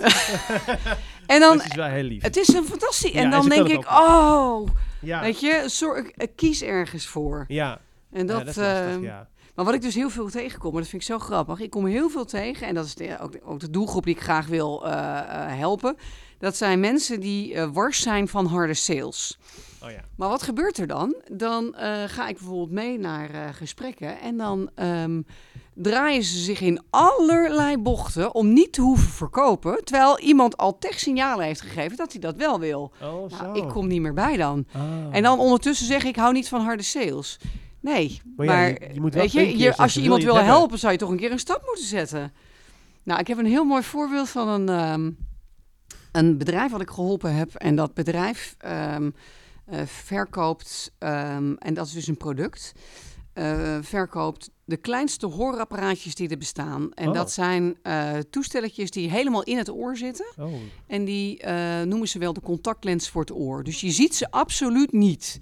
Daarnaast zijn naam. Ja. Contactlens voor het oor. Ja, vind ik ook briljant. En eh, de foto is ook heel mooi die ze gebruiken. Ze hebben dan echt zo'n vinger waar op het puntje dat hoortoestelletje zit. En dat is dus, nou ja, inderdaad ook de grootte van een contactlens. Ja, de vorm is Ik natuurlijk totaal wel meteen anders. denken, oeh, eng. Oor. Maar goed. Ja, nou ja, mensen die eh, apparaatjes gebruiken, die hebben sowieso natuurlijk iets in het oor. Tenminste, Ja, de als het meeste. zo klein is, hoe krijg je het weer ja. uit je oor? ja, nou ja, dat is een hele Zo. goeie. En dan plopt hij eruit. Ja, nee, nee, ze kunnen het niet zelf doen. Dus dat moeten we Oh. laten. Maar het mooie is dat Ja, ehm, het is een heel bijzonder toestel, want dat toestel zie je dus absoluut niet. Maar daarnaast is het een toestel wat ehm, ook helpt bij tinnitus. En dat is die vervelende piep in je oor die je kan hebben. Oh ja, veel mensen hebben dat. Ja, En, eh, er kwam een naam, ja. tinnitus. tinnitus. Ja, zo, Tinnitus. ja dat, dat is gewoon het geluid in je oor wat, Ja. je, wat je de hele tijd hoort. En het erge is met een eh gehoorapparaatje, als je dat normaal uitzet, dan hoor je die toon dus nog veel harder. Nou, anyway, dat is dus een heel tof apparaatje Ja. waar verschillende voordelen aan zijn zitten. allerlei marketingideeën. Allerlei, nou, nou. En ehm, je- hebben ze marketing nodig, denk je? eh, nou, ze, eh, grappig genoeg, de marketeer die daar zit, heeft ooit sales training van mij gehad. En die Ah. heeft mij daar aangeraden. Dus dat is wel weer Ah, grappig. Maar die, ehm eh, is, ik ben, op een gegeven moment ben ik met een aantal, dat zijn audiciëns die die toestellen verkopen. Ja, die hebben eigen hoorwinkels en die, een aantal van die hoorwinkels, de kwalitatief beste, mogen die apparaten verkopen. Want je, je hebt een bepaalde techniek nodig om die apparaatjes te plaatsen. ja. En eh, ik was bij een van die gesprekken en er komt een man binnen en uh, is een kale man, een jaar of zestig. Hele vlotte kerel, vlotte babbel. Uh, heel joviaal. Ik kom binnen huis. Die, uh, ja, ik kom even horen hoe dat zit met dat apparaatje. Want um, uh, ik heb daar een, uh, een, foto van gezien. Nou ja, ik ben niet, uh, ik ben niet ijdel hoor. Maar ja, ik heb natuurlijk geen haar. En, oh, ja. Maar ik ben niet ijdel.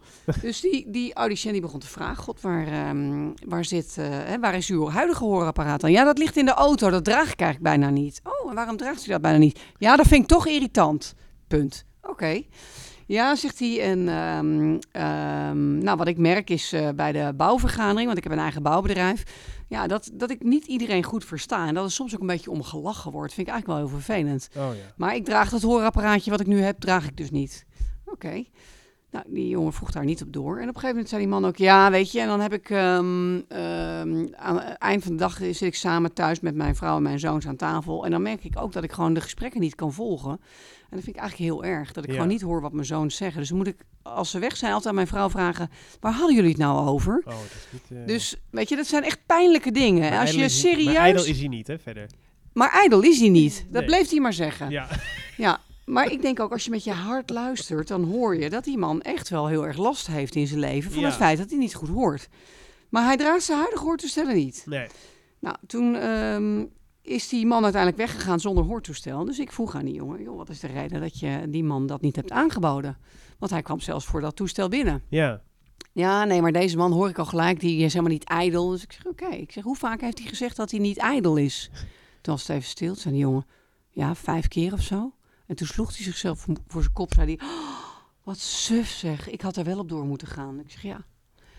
En Ja. als je vijf keer zegt dat je niet ijdel bent, dan is dat in ieder geval iets waar je op door kunt gaan. Dat je kunt zeggen, goh meneer, ik hoor je nou vijf keer zeggen dat u niet ijdel bent. Maar u noemt het wel steeds. Ja. En dan hou je even je mond. En ehm, dit Ja, was of- dus of- een heel of mooi... de vraag, waarom draag je je hoortoestel niet? Ja, ja, en daar echt even op ingaan. Ja, want vind je, Ja. oh, je vindt het vervelend zitten. En dit zit niet vervelend. of, kun of je het kan tekenen. zijn dat hij wel degelijk vond dat het raar stond. Of dat hij zich een beetje schaamde voor zijn eh, zoons of voor zijn collega's. Dat weet je niet. Het zijn nu allemaal aannames. Maar als je erop doorgevraagd had, had je het wel geweten. Ja. Eén ding is zeker, die man bleef maar roepen. Hij zei op een gegeven moment ook, ja, nee, en ik heb al een vrouw hoor, dus ik ben niet ijdel. Dus ik ben niet op zoek naar een vriendin.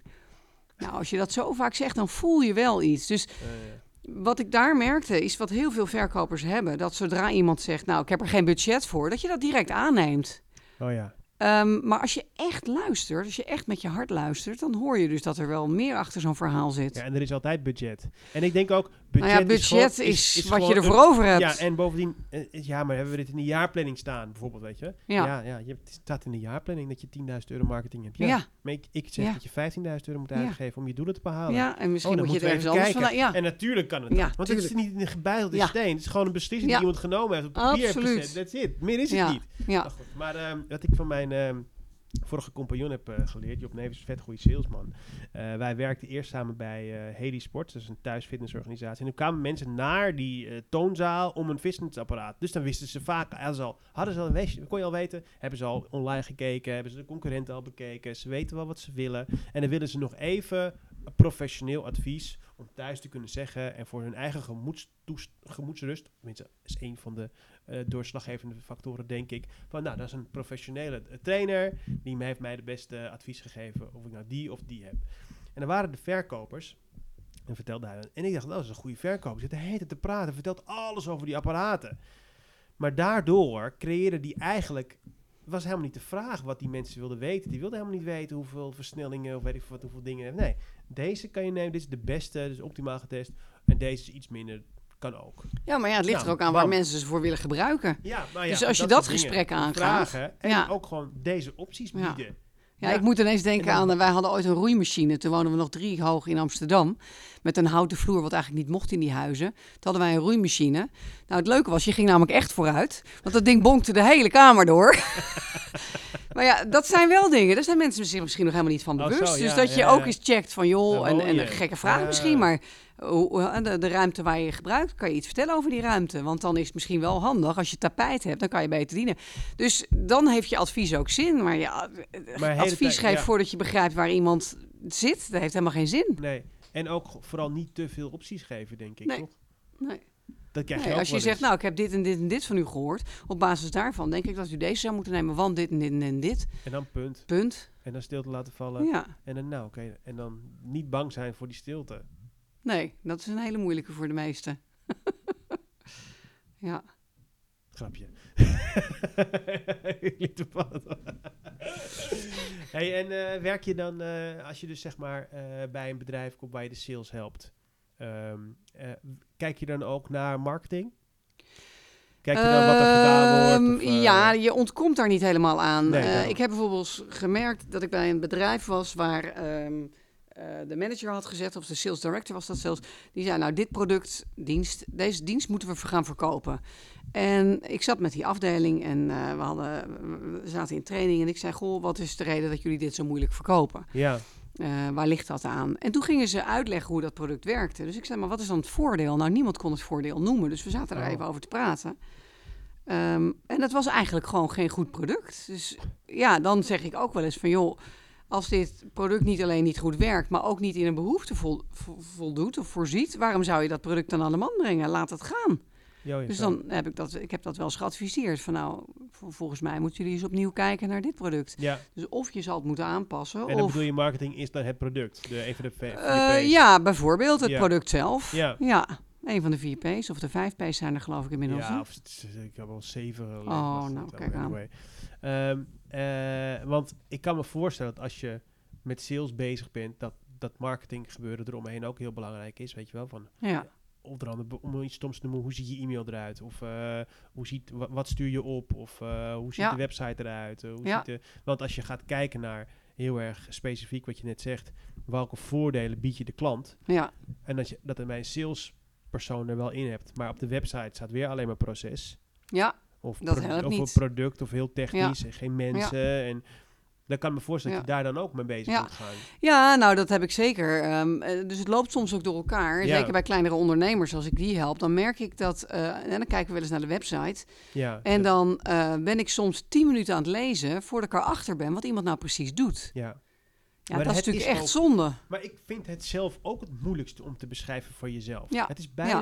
Ja, Ja, daarom zou ik daar gewoon hulp bij vragen. Daar moet je altijd dat geldt voor, vragen, nou ja, weet Bijna je. voor iedereen. Ja, Om te vertellen wat je zelf doet, is even de moeilijkste ik dingen. heb mezelf ook, eh, ik weet niet hoe lang laten coachen door, eh, door verschillende business coaches en ook Oh, door ja. een marketingcoach. Ja, ik vind het gewoon heel prettig om, kijk maar even met me mee, want ik heb een eigen blinde vlek. Dus ehm, Ja, ja, ja, ik ook. maar ja, ja, natuurlijk. ja, ja, het is bijna een verplichting Ja. tegenwoordig. Hey, en ehm, eh, hoe zie je de toekomst nu voor jouw bedrijf? Want je geeft vooral trainingen nu. En je bent ook met, eh, met een soort nieuw ding be- begonnen, toch? Ehm, nou, ik sta nu wel op een inderdaad een bijzonder punt. Dat ik aan het kijken ben van wat zou ik nou precies willen. Maar daar ben ik nog niet helemaal uit als ik heel eerlijk ben. Dus dat hou ik nog even onder de pet. Oké, oké. oké. Ja. Nee. Ja, Ja. want je binnenkort ook een training geeft, toch? Eh, voor LinkedIn bedoel Ja. je? Nou, dat is iets wat ik sowieso eh, ook doe. Ja, Ja. eh, de, de, sales, ehm, een groot onderdeel van sales is natuurlijk dat mensen weten dat je bestaat. Ja. En wat ik zie is dat heel veel mensen toch slechte salesteksten schrijven als het gaat om LinkedIn-posts. Ik kom het zo vaak tegen dat mensen in hun post dingen schrijven als: ehm, We hebben een prijs gewonnen, zijn we hartstikke trots op en bedankt aan het team. Weet je? Ja. Ja. ik krijg daar echt jeuk van. Dan denk ik, Ja. wat is dat nou voor nieuwswaarde? Ja. Ehm, dus ik help heel graag mensen om dit soort teksten wel- beter je- te maken. Ja, oké, precies. En hoe zou je dan zo'n tekst beter maken? Van die Nou, het ligt er natuurlijk een beetje aan wat het is. Maar ik kan er wel een voorbeeld geven. Ehm, nou, stel je voor dat het... eh, Toevallig heb ik laatst... eh, kwam ik een... eh, ik kom uit de media en reclame. En, dus ik heb nog heel veel contact in die, in die wereld.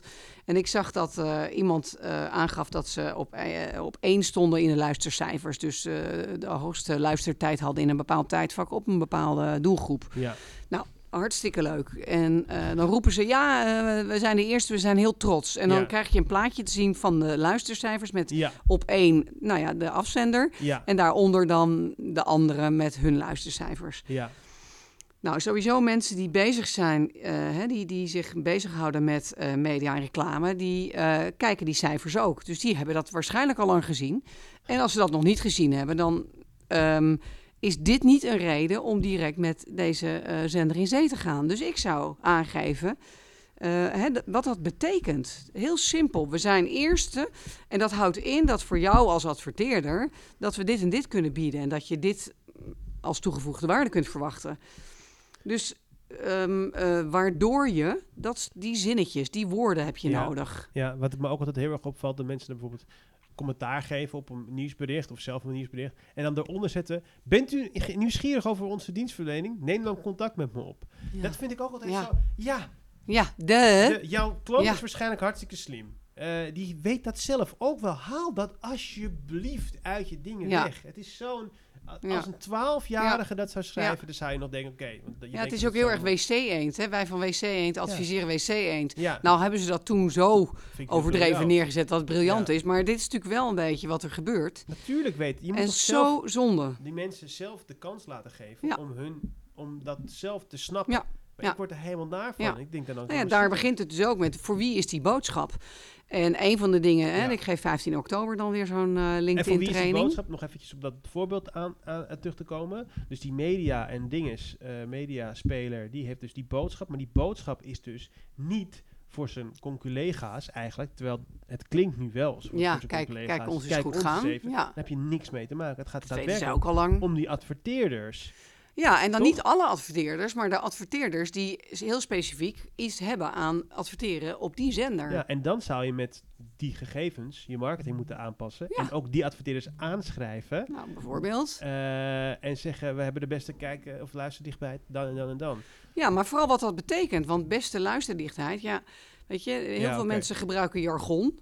Dat zegt nog niks. Dus het is belangrijk dat je aangeeft wat dat betekent, waardoor. Dus wat ik in zo'n training bij LinkedIn bijvoorbeeld doe, is ik help mensen om te bedenken voor wie is die boodschap nou het meest geschikt. Dat Ja. er anderen meelezen, prima, maar Ja. je wil iets bereiken. Dus voor wie is die boodschap nou het meest geschikt? Ehm, en vervolgens, wat zet je in de eerste zin waardoor mensen denken, hier wil ik meeluisteren? Nou, dat kan je gewoon leren. Dat is, weet je, dat hoef je niet te gokken. Nee, Dat kan je gewoon leren. Er zijn gewoon regels waar dat aan kan voldoen. Ja. Ehm, interesse. Ja, aandacht, eh, inderdaad. En heel simpel, eh, grof gezegd, zijn er een paar aandachtsgebieden die voor eh, veel mensen interessant zijn. Dat heeft altijd te maken bijvoorbeeld met omzet, met kosten, eh, met status of. eh, Oh, zo, eh, ja. Dus, dus daar moet je in ieder geval aan refereren. Maar dat kan je heel prima doen en nog een hele elegante boodschap maken. Ja, En vervolgens is het natuurlijk belangrijk dat je, ehm, dat je ze iets vertelt wat ze nog niet wisten. Dat ze denken, hé, hey, dat was interessant. hm. Wat en, vind je van eh, mijn filmpjes? eh, nou, dat wisselt. Soms vind ik het heel interessant. Je hebt natuurlijk een hele eigen stijl. Ik denk dat dat een hele goede is. Je bent heel herkenbaar. Ehm, maar waardevolle tips geven, dat is belangrijk. En dat Ja. doe je volgens mij ook regelmatig. Dus Ja. dat vind ik heel slim. Probeer ik te doen, ja. Ja, ja. Ja, want eh, ehm, alleen maar eh, vertellen hè, wat, je, wat je kan doen voor iemand, daar hebben we het al eerder, al eerder over gehad, processen, ja, dat verkoopt niet. Nee, het verkoopt Dus niet. dat is gewoon zonde. Ja, en het verhaal achter, de, achter het bedrijf, achter de man. Denk je, eer- denk je, ben je fan van dat eerste vent dan dat tent? Ja, absoluut. Ja. Ja. Ja, eerst vent dan de tent. Ja, Maar dat absoluut. durven mensen niet, hè? Dus iedereen denkt dat niemand zit te wachten op eh, de informatie dat jij een nieuwe kittens hebt, bijvoorbeeld. Dat gaat het ook wel een beetje Wat ver. grappig dat je dat wij hebben net sinds gisteren een nieuw kitten.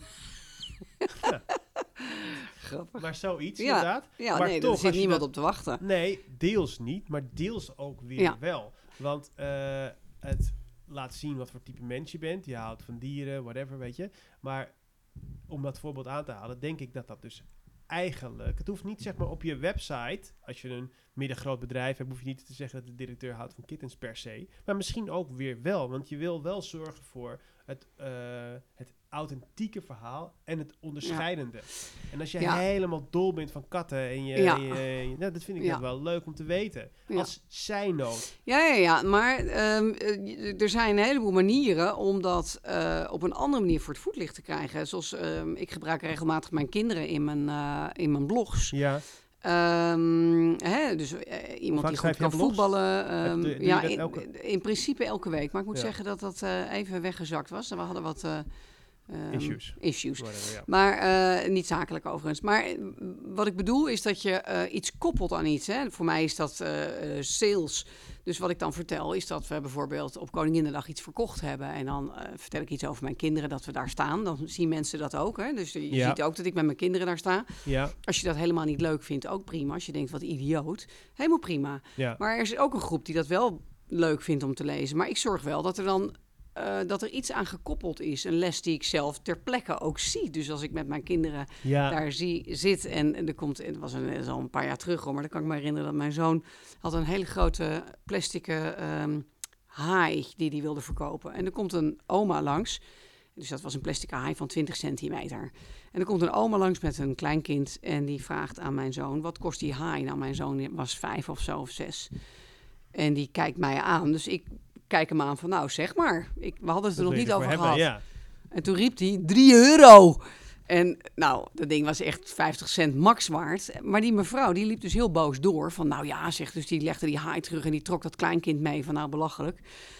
Ehm, dus dat was aan de ene kant een hele mooie les. Want hij keek behoorlijk op zijn neus van, hè, hoezo wil die mevrouw dat niet? Dus ik zei, nou, goh, laat eens kijken. Hè. Ehm, en hij wist natuurlijk nog niks van geld, dus dat is nee, hartstikke nee. moeilijk. Ja, Dus dan ga je overleggen van, ja, wat is iets waard? En ehm, als je dit bij, wij- bij wijze van spreken op marktplaats zet, heeft het een hele andere waarde dan op een rommelmarkt. Dat moet je je ook realiseren. Dus Ja. de context is ook belangrijk. ja, ja, ja, ja, ja. Eh, op de hui- huishoudbeurs, om het wat te noemen, verwacht iedereen eh, knallende kortingen. Ja, Eh, dus daar is een ander verwachtingspatroon. Dus nou, dat soort dingen bespreek ik met hem in kindertaal. Maar de boodschap die ik mijn lezers meegeef, is dat je daar even over na moet denken. ja, Hè, waar bied je het aan? Dat, de context kan dus een, een eh, Ja. correlatie met de prijs hebben. ja, Dus, eh, dus ik denk dat als je iets over jezelf vertelt, dat het leuk is. Maar alleen maar vertellen ehm, dat je ehm, nee. eh, op vakantie bent geweest naar Frankrijk. Ja, ik, ik zie dat niet zo. Dus ik zou dat dan koppelen aan iets. Ja, en daar kwam ik tot de realisatie dat de Ja. bakker op de hoek verkocht altijd drie stokbroden voor de prijs van twee. Waarom doe je dat? Ja, dan? Nou zo. bijvoorbeeld. Ja, ja, ja, ja, ja, ik vind het wel, maar ik vind wel, eh, ja, nee, ik ben helemaal mee. Ja. En ik moet zeggen dat ehm, je hebt natuurlijk kanalen zoals Facebook, ehm, waarin je ook gewoon dingen kunt delen. hè. En afhankelijk van hè, welke strategie je voert, kan je mensen eh, uitnodigen tot vriend op Facebook. Eh, of, of hoe zeg je dat? Kan je zakelijk en privé eh, Ja. samen doen of niet? Dat ligt ook een beetje aan wat je zelf prettig vindt. Ja, ja. Ehm, maar ik denk dat heel veel mensen uit angst niet dingen durven delen en daardoor te weinig goede content kunnen produceren. Ja, ja. Ik denk dat dat, een, eh, dat dat heel veel bedrijven hindert in optimale marketing. Ja, Dus absoluut. Maar ook jezelf durven zijn. Ik zie soms websites in een taal dat als ik met die mensen spreek, dat ik denk, hè, ik herken dat helemaal niet. Nee, ja, dat, ik eh, probeer echt wel mezelf te zijn en dat probeer ik mijn klanten ook te vertellen. Nou, nee, ik denk dat het authentieke. Ik denk, En dat is bij jou volgens mij heel goed gelukt. dat probeer ik wel. ja, eh, jij bent goed te in je filmpjes eh, precies hetzelfde als dat ik je bij de borrel van de ondernemersvereniging Amstelveen tegenkomt. Dat Ja. vind ik prettig, want dan denk ik, oh ja. En anders ga ik denken, huh? Waarom ben je met nou wie, met wie praat ik nou? Ja. Ehm, ik wilde zeggen, ik denk zeg maar dat wij, zeker mijn generatie en eh, de generatie nog vroeger, de, de, de komende, wij worden, wij zijn zo blootgesteld aan nep-reclame. Weet je, zeker in de televisietijd, alles was zo bling bling en mooi en het was zo het logo wat ze heel erg naar voren kwam, het, het, zeg maar de shiny Ja. box. Ik denk dat we daardoor heen prikken. Dat, dat zien we denk ik niet meer. Dat soort van blind spot daarvoor eh, hebben ontwikkeld. En dat je met, eh, met het authentieke nu, dat we daar veel meer in geïnteresseerd zijn. In het echte product, in het echte verhaal. En je ziet daar ook heel veel Ja. goede voorbeelden. Tony Chocoloni, eh, Ja. ik word wel een beetje moe van het voorbeeld, maar... eh, Nou ja, maar het eh, blijft gewoon een mooi voorbeeld. ja, eh, eh, Ben Jerry's, weet je wel. Ja. Twee van die ijsmakers. Dat het, en Ja. en dat, dan, dat kun je dan ook wel weer een beetje verglamoriseren. Ja. Of ver, ver, verbusinessiseren, ik weet niet. Maar Ja. dat is waar we denk ik Ja. wel meer naar op zoek zijn. Naar die authentieke verhalen. Dat is volgens mij ook wat Simon Sinek altijd zegt, de why, Ja, dat dat een belangrijke is. ja, Nou, dat geloof ik zeker. Dat, dat waarom je doet wat je doet, dat dat een hele belangrijke is. ja, en als het is om geld te verdienen, wat dat voor best wel veel ondernemers ook gewoon echt zo is... Dat hoef je niet zo één op één te zeggen. Maar dat, dat kan ook gewoon. Nou, ik vind er niks mis met geld verdienen. Ik zou zelf niet goed begrijpen waarom iemand alleen maar geld wil verdienen. Want als je kan kiezen tussen geld verdienen met iets leuks, iets waar je hart sneller van gaat Ja. kloppen, dan zou ik daar altijd voor kiezen. Ja, Ehm, en dat zie ik trouwens ook bij verkopers die gewoon in dienst zijn van een bedrijf. ja, Dat ehm, het is echt heel makkelijk om je werk leuker te maken. ja. Door Dus- die interesse, eh, interesse te tonen. Ja, nee, door interesse te hebben. ja, ja. pas op hè. ja. ja, nou leuk, ja. En maar, ehm, ehm, Want waarom doe jij dit? het marketing? Ja? Ja, ik doe het omdat ik het oprecht, omdat ik, omdat ik oprechte interesse heb in bedrijven. En altijd meteen in mijn hoofd zie, al automatisch, wat ze het beste kunnen doen op marketinggebied. Dat komt er gewoon in me op. Hoef ik niet, zoals je net vertelt, van die hoortoestellen. Ja, Denk al meteen, oké, de, de, de, contactlens. een contactlens voor het oog, maar hij is zo klein. Hoe gaat hij erin en eruit? Zou ik al met meteen Ja. eh, in de payoff zeggen, eh, professioneel ge- eh, in je oor gezet of zoiets. Ja, weet je wel? bijvoorbeeld, Want dat ja. zijn de eerste vragen die meteen in je opkomen. Nou ja, dat is interessant wat klanten daarvan vinden. Hè? En daarom zeg ik ook, als je goede gesprekken voert met je klanten, dan word je letterlijk wijzer. Dus je begrijpt Ja. waarom ze iets kopen of waarom ze wel op gesprek kwamen, maar het niet doen. Ja, ja. Dat zijn echt ontzettend belangrijke dingen. Dus Ja. ook niet-klanten, Ja. die hebben heel veel waardevolle informatie. Ja. Ja. Ja, ik, en, en ik ben ook wel eens afgeschoten hoor, op mijn manier van communiceren. Dat zei, ja, je bent veel te gek of te agressief of te out there. En, dan, en Ja. eerst voel je dat een beetje zo, oei, weet je wel? Toch, Ja. eh, als zo'n kritiek voel je eventjes, oeh, Ja. kreep er via je buik elkaar. En daarna weet Ja, ik, maar ik denk ook, nee, eh is, is het niet meer fuck hem, dat is jouw stijl. Ja, en dan kan Ja. je ook nooit, je kan ook nooit iedereen tevreden houden. En toen ben ik alleen maar daar erger in geworden. Heb ik het alleen maar nog meer uitvergroot. Om, om juist ook sommige mensen eh, af te schrikken. Want Ja. dan wil ik, dat kost me veel. Ik heb nu wel één klant waarmee we altijd heel erg aan het soebatten zijn over allerlei dingen. En dat kost me ontzettend veel energie. Terwijl ik weet zeker dat hij geniet daarvan. Want hij scherpt zijn eigen gedachten daarmee. Ja. Maar het is heel erg wel eens niet is, wel eens niet is. Of eh, ja, maar ik vind dat je het zo moet doen. Ja, maar hij vindt van niet. En dan eh, uiteindelijk vinden we wel iets. Maar ehm, het is veel prettiger om zaken te doen met iemand. Of samen te werken met iemand. Ja. Eh, waarbij je op één lijn ligt. Ja. Eh, en ik merk ook wel dat mijn klanten soms eh, uit hun comfortzone getrokken worden door mij. En dat ze dan dingen gaan doen waar ze eigenlijk weten van... Oeh, ja, ik weet niet of dit nou helemaal... ik, zeg, ik zeg, het hoeft niet. Maar het is in mijn beleving het allerbeste wat je kan doen. Ja. Bijvoorbeeld, om een voorbeeld te noemen, een klant van mij die zoekt heel veel personeel. En eh, die zitten nog steeds heel erg op en Nationale Vacaturebank vacatures te plaatsen. Ja. Dat kan nu in deze markt niet. Je moet nu dingen doen om mensen ergens anders weg te halen. Of twijfelende kandidaten naar jou toe te krijgen. Nou, hoe doe je dat, vind ik? Door je oprechte verhaal te laten zien. Dus laat zien wie jij bent. Laat zien waar je komt te werken. Laat zien wat je doet. Op die manier kun je mensen geïnteresseerd krijgen om bij jou te... Want ze komen voor jou werken. Het zijn vaak kleine teams, eh, tien mensen. Dus dat team moet hun aanspreken. Weet je? En dan niet zeggen dat je flashy bent omdat je een voetbaltafel in de hoek hebt Ja. staan. Maar, eh, maar gewoon zeggen, nou, wij, wij werken gewoon van 9 tot 5. We zijn een rustige club waar je jezelf Ja. kunt ontwikkelen. Dat mag je ook gewoon Ja, zeggen als dat ja zo is. helemaal eens. En eh, dus door jezelf te laten zien en dat dan te laten zien op de kanalen die er te doen. Als jij jonge mensen wilt zien, wilt eh, trekken, is LinkedIn, vind ik niet per definitie de beste plek. Ook te duur voor advertenties. Waarvoor ga je Ja, op advertenties zou ik sowieso niet doen op LinkedIn, want het is zo makkelijk om Nee, ben ik helemaal eh, niet eens. goed eh, bereik eh, nee, nee, te nee, doen. ben ik niet met je eens. Ja, dat mag. Ik heb heel veel goede, eh, ik heb, ik heb onwijs goede resultaten behaald met LinkedIn advertenties. Ja, ik ook, maar ik heb er alleen geen cent voor betaald. Mm, ja, oké. nou, deels. Tuurlijk, dat is het mooiste wat er Maar ja, is. jij moet hem missen nu, hè, de training. Jammer. Ik vind dat je helemaal gelijk hebt. Deels heb je gelijk. Maar aan de andere kant kun je, wil je ook niet alles aan dat toeval overlaten. Ik vind Nee, ook maar dat ja, als je, de- als je toeval ziet, dat snap ik. je, kunt niet, je kunt niet garanderen dat iedere, dat iedere post eh 10.000 views heeft. En ik kan niet garanderen dat iedere post 10.000 views heeft. Maar de, ehm, wat ik kan laten zien is dat de mensen die bij mij nu training gehad hebben... van eh vijf likes naar eh 25.000 views gegaan zijn. Ja, oké. En, en, en niet alleen views, want dat ligt er een beetje aan Nee, wat, je. Wat je doel is. Maar vooral, hè, je, in mijn geval dan mijn eh, nieuwsbrieflijst eh, uitbreiden. Ja, Hè, als ik met één post 200 nieuwe aanmeldingen krijg... en Ja. mensen vragen mijn artikel op, ja, ja, dat vind ik een ander verhaal. ja, dat ben ik helemaal met je eens. Maar ehm, inderdaad, je kunt dat niet elke week doen. En het is allebei. Ja. Het is en de, eh, zeg maar de free publicity-achtige stijl LinkedIn. Al is het niet free publicity als je het via mij doet, want je betaalt per post. Maar eh, de reclame die je doet op LinkedIn, als dat aangescherpt is op een goede doelgroep, eh, kun je precies zien wie je raakt. Je kunt zo duidelijk eh, targeten, dat kun je met zo'n LinkedIn-bericht bijna niet doen. Je kunt gewoon zeggen, ben jij de projectmanager bij bedrijf X, eh, of eh, ben, jij, ben jij projectmanager in de bouw, die mensen kun je gewoon targeten. Het is Mhm. super specifiek. Dus Ja. je een super specifiek voordeel hebt, wat jij net zegt, dat is een onwijs waardevol. Daarom is het ook zo duur, omdat het zo waardevol is. Ja. Omdat je gewoon zo ontzettend goed kunt targeten op mensen.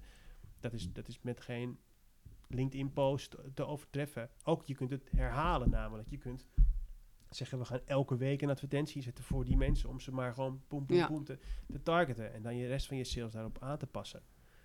is onwijs, ja, het is, een, het is een mogelijkheid waar nog heel weinig gebruik van wordt gemaakt. Omdat mensen eigenlijk niet de juiste salesboodschap in die advertentie weten te plaatsen. En dat is het sowieso. Het gaat vooral om hoe zorg je dat je eh, je toegevoegde waarde laat zien. Hoe, hoe zorg je dat mensen denken, potverdorie, dat is, eh, dat is leuk om te lezen. Oh, ben ik blij nou dat ik dat nu weet. Stel nou voor, eventjes hè, voor dit, voor the sake of this argument. Want eh, we, zijn, we hebben allebei gelijk. Als ik kan niet zeggen, jezelf gelijk. Maar ehm, stel nou dat je die post die zo goed converteerde bij jou, dat je daar ook nog eens een keer een advertentie op maakt op precies de doelgroep die je wil eh, bereiken. Dan heb je toch, dan heb je toch het meest fantastische.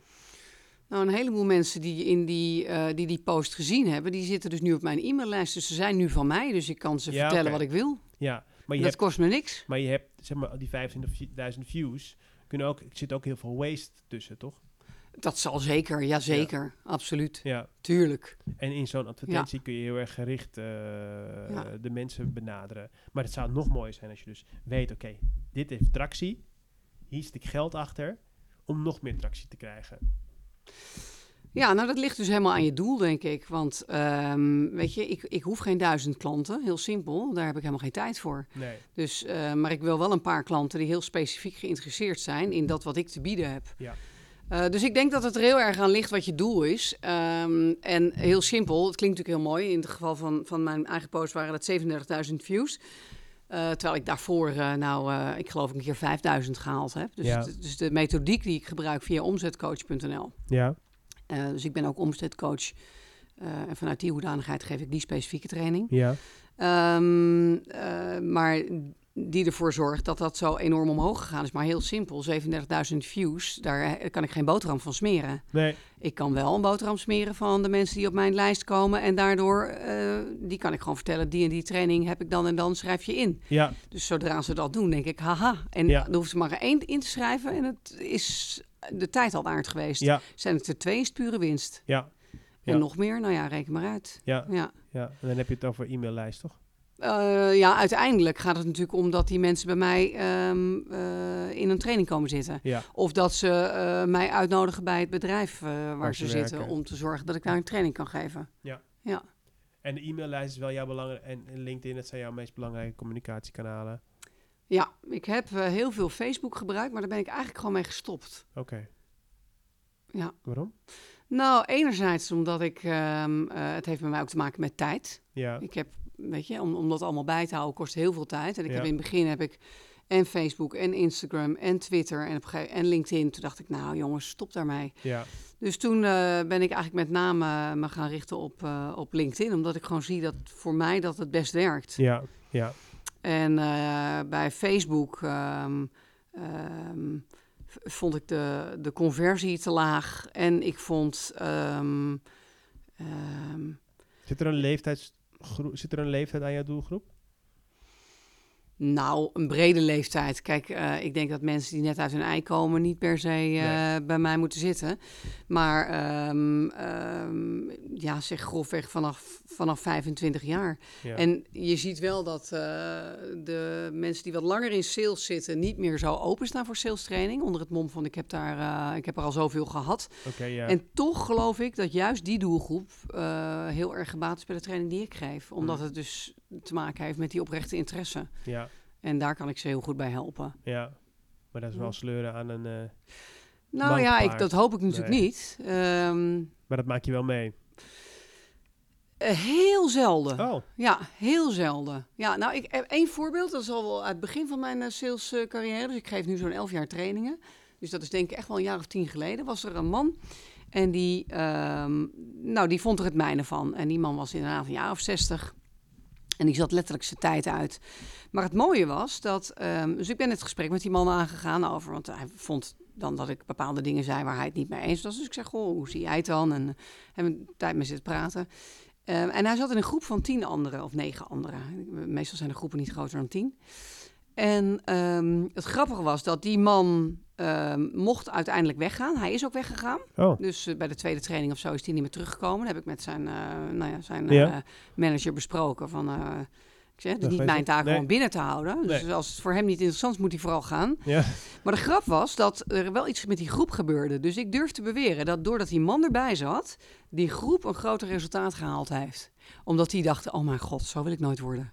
Oh, zo. Dus dat was heel grappig. Maar heel vaak ehm, maak ik ook mee dat ehm, mensen erbij zitten die eh, in eerste instantie die hakken in het zand zetten. En dat zijn Ja. dan ook vaak de, nou ja, door de wol geverfde verkopers.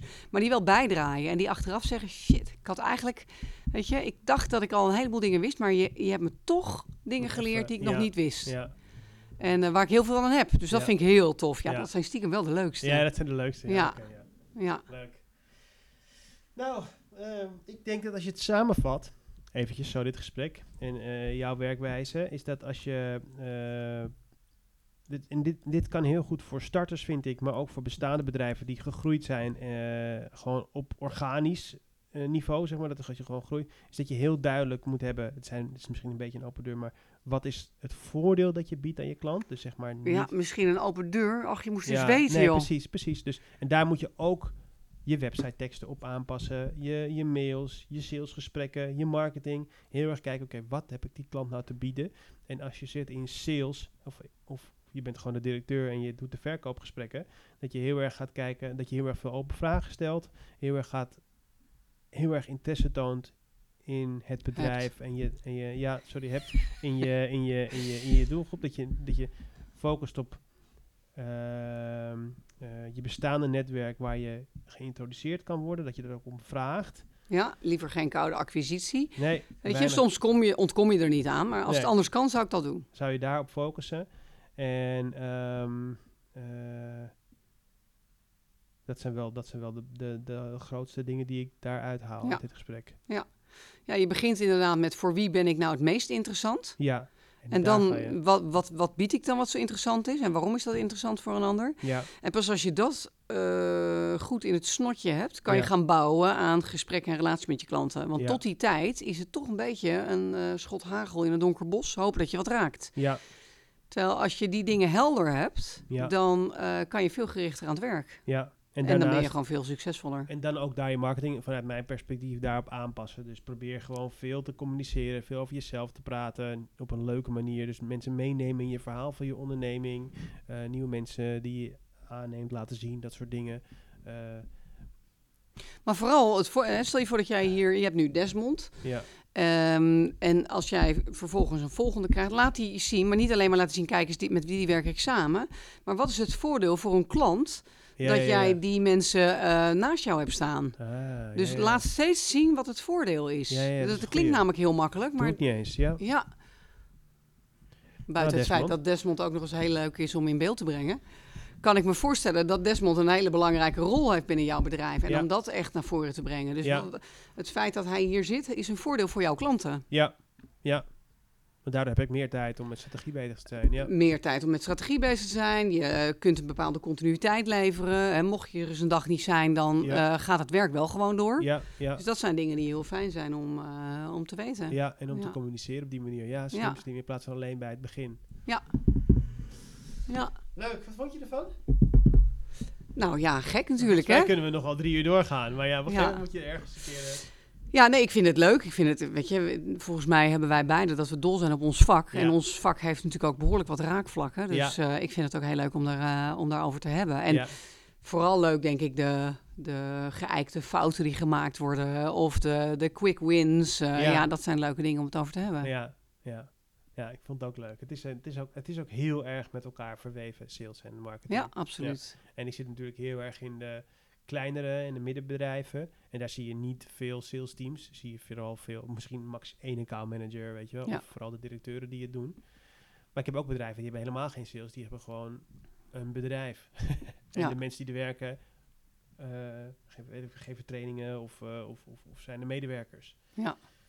Daar zit minder, minder sales in. Dus meer gewoon alleen maar eh pool. Dus dan kan je bijna geen push doen. Ik zou zelf nooit een bedrijf willen hebben wat alleen maar de deuren kan openen. En waar je niet zelf ook de beuk erin kan gooien om omzetten te kunnen Ja, scoren. ja, dat dat zou herken zelf ik. heel erg eh, zenuwachtig van worden. Ja. Maar ja, blijkbaar is er ook... Ja, Ja, maar het- ja, weet je, soms, eh, zeker als je wat groter wordt, dan zul je toch keuzes moeten maken. ja, binnen je bedrijf? Blijf je, hè, gaat iedereen hetzelfde doen, waardoor iedereen heel veel verschillende dingen doet, Ja, eh, maar wel continu van A tot Z vinger aan de pols houdt? Of zeg je nee, we gaan de dingen opsplitsen? Ja, en dat laatste is natuurlijk toch wel wat je veel ziet. ja. En wat ook helemaal niet gek is. Nee, ik doe het ook. Desmond doet eh, zeg maar de content voor de relatiemarketeers, maar ook de e-mails bouwen en een beetje projecten leiden, zeg maar, binnen, binnen de relatiemarketeers. Maar ik merk nu al dat ik ook weer iemand nodig heb voor, eh, voor de betaalde advertenties die ik doe voor mijn klanten. Dat dat Ja. mij al te veel tijd gaat kosten. Ja. Dus eh, daar ga ik nu weer naar op zoek. Ja. En wa- wat voor iemand zoek je dan?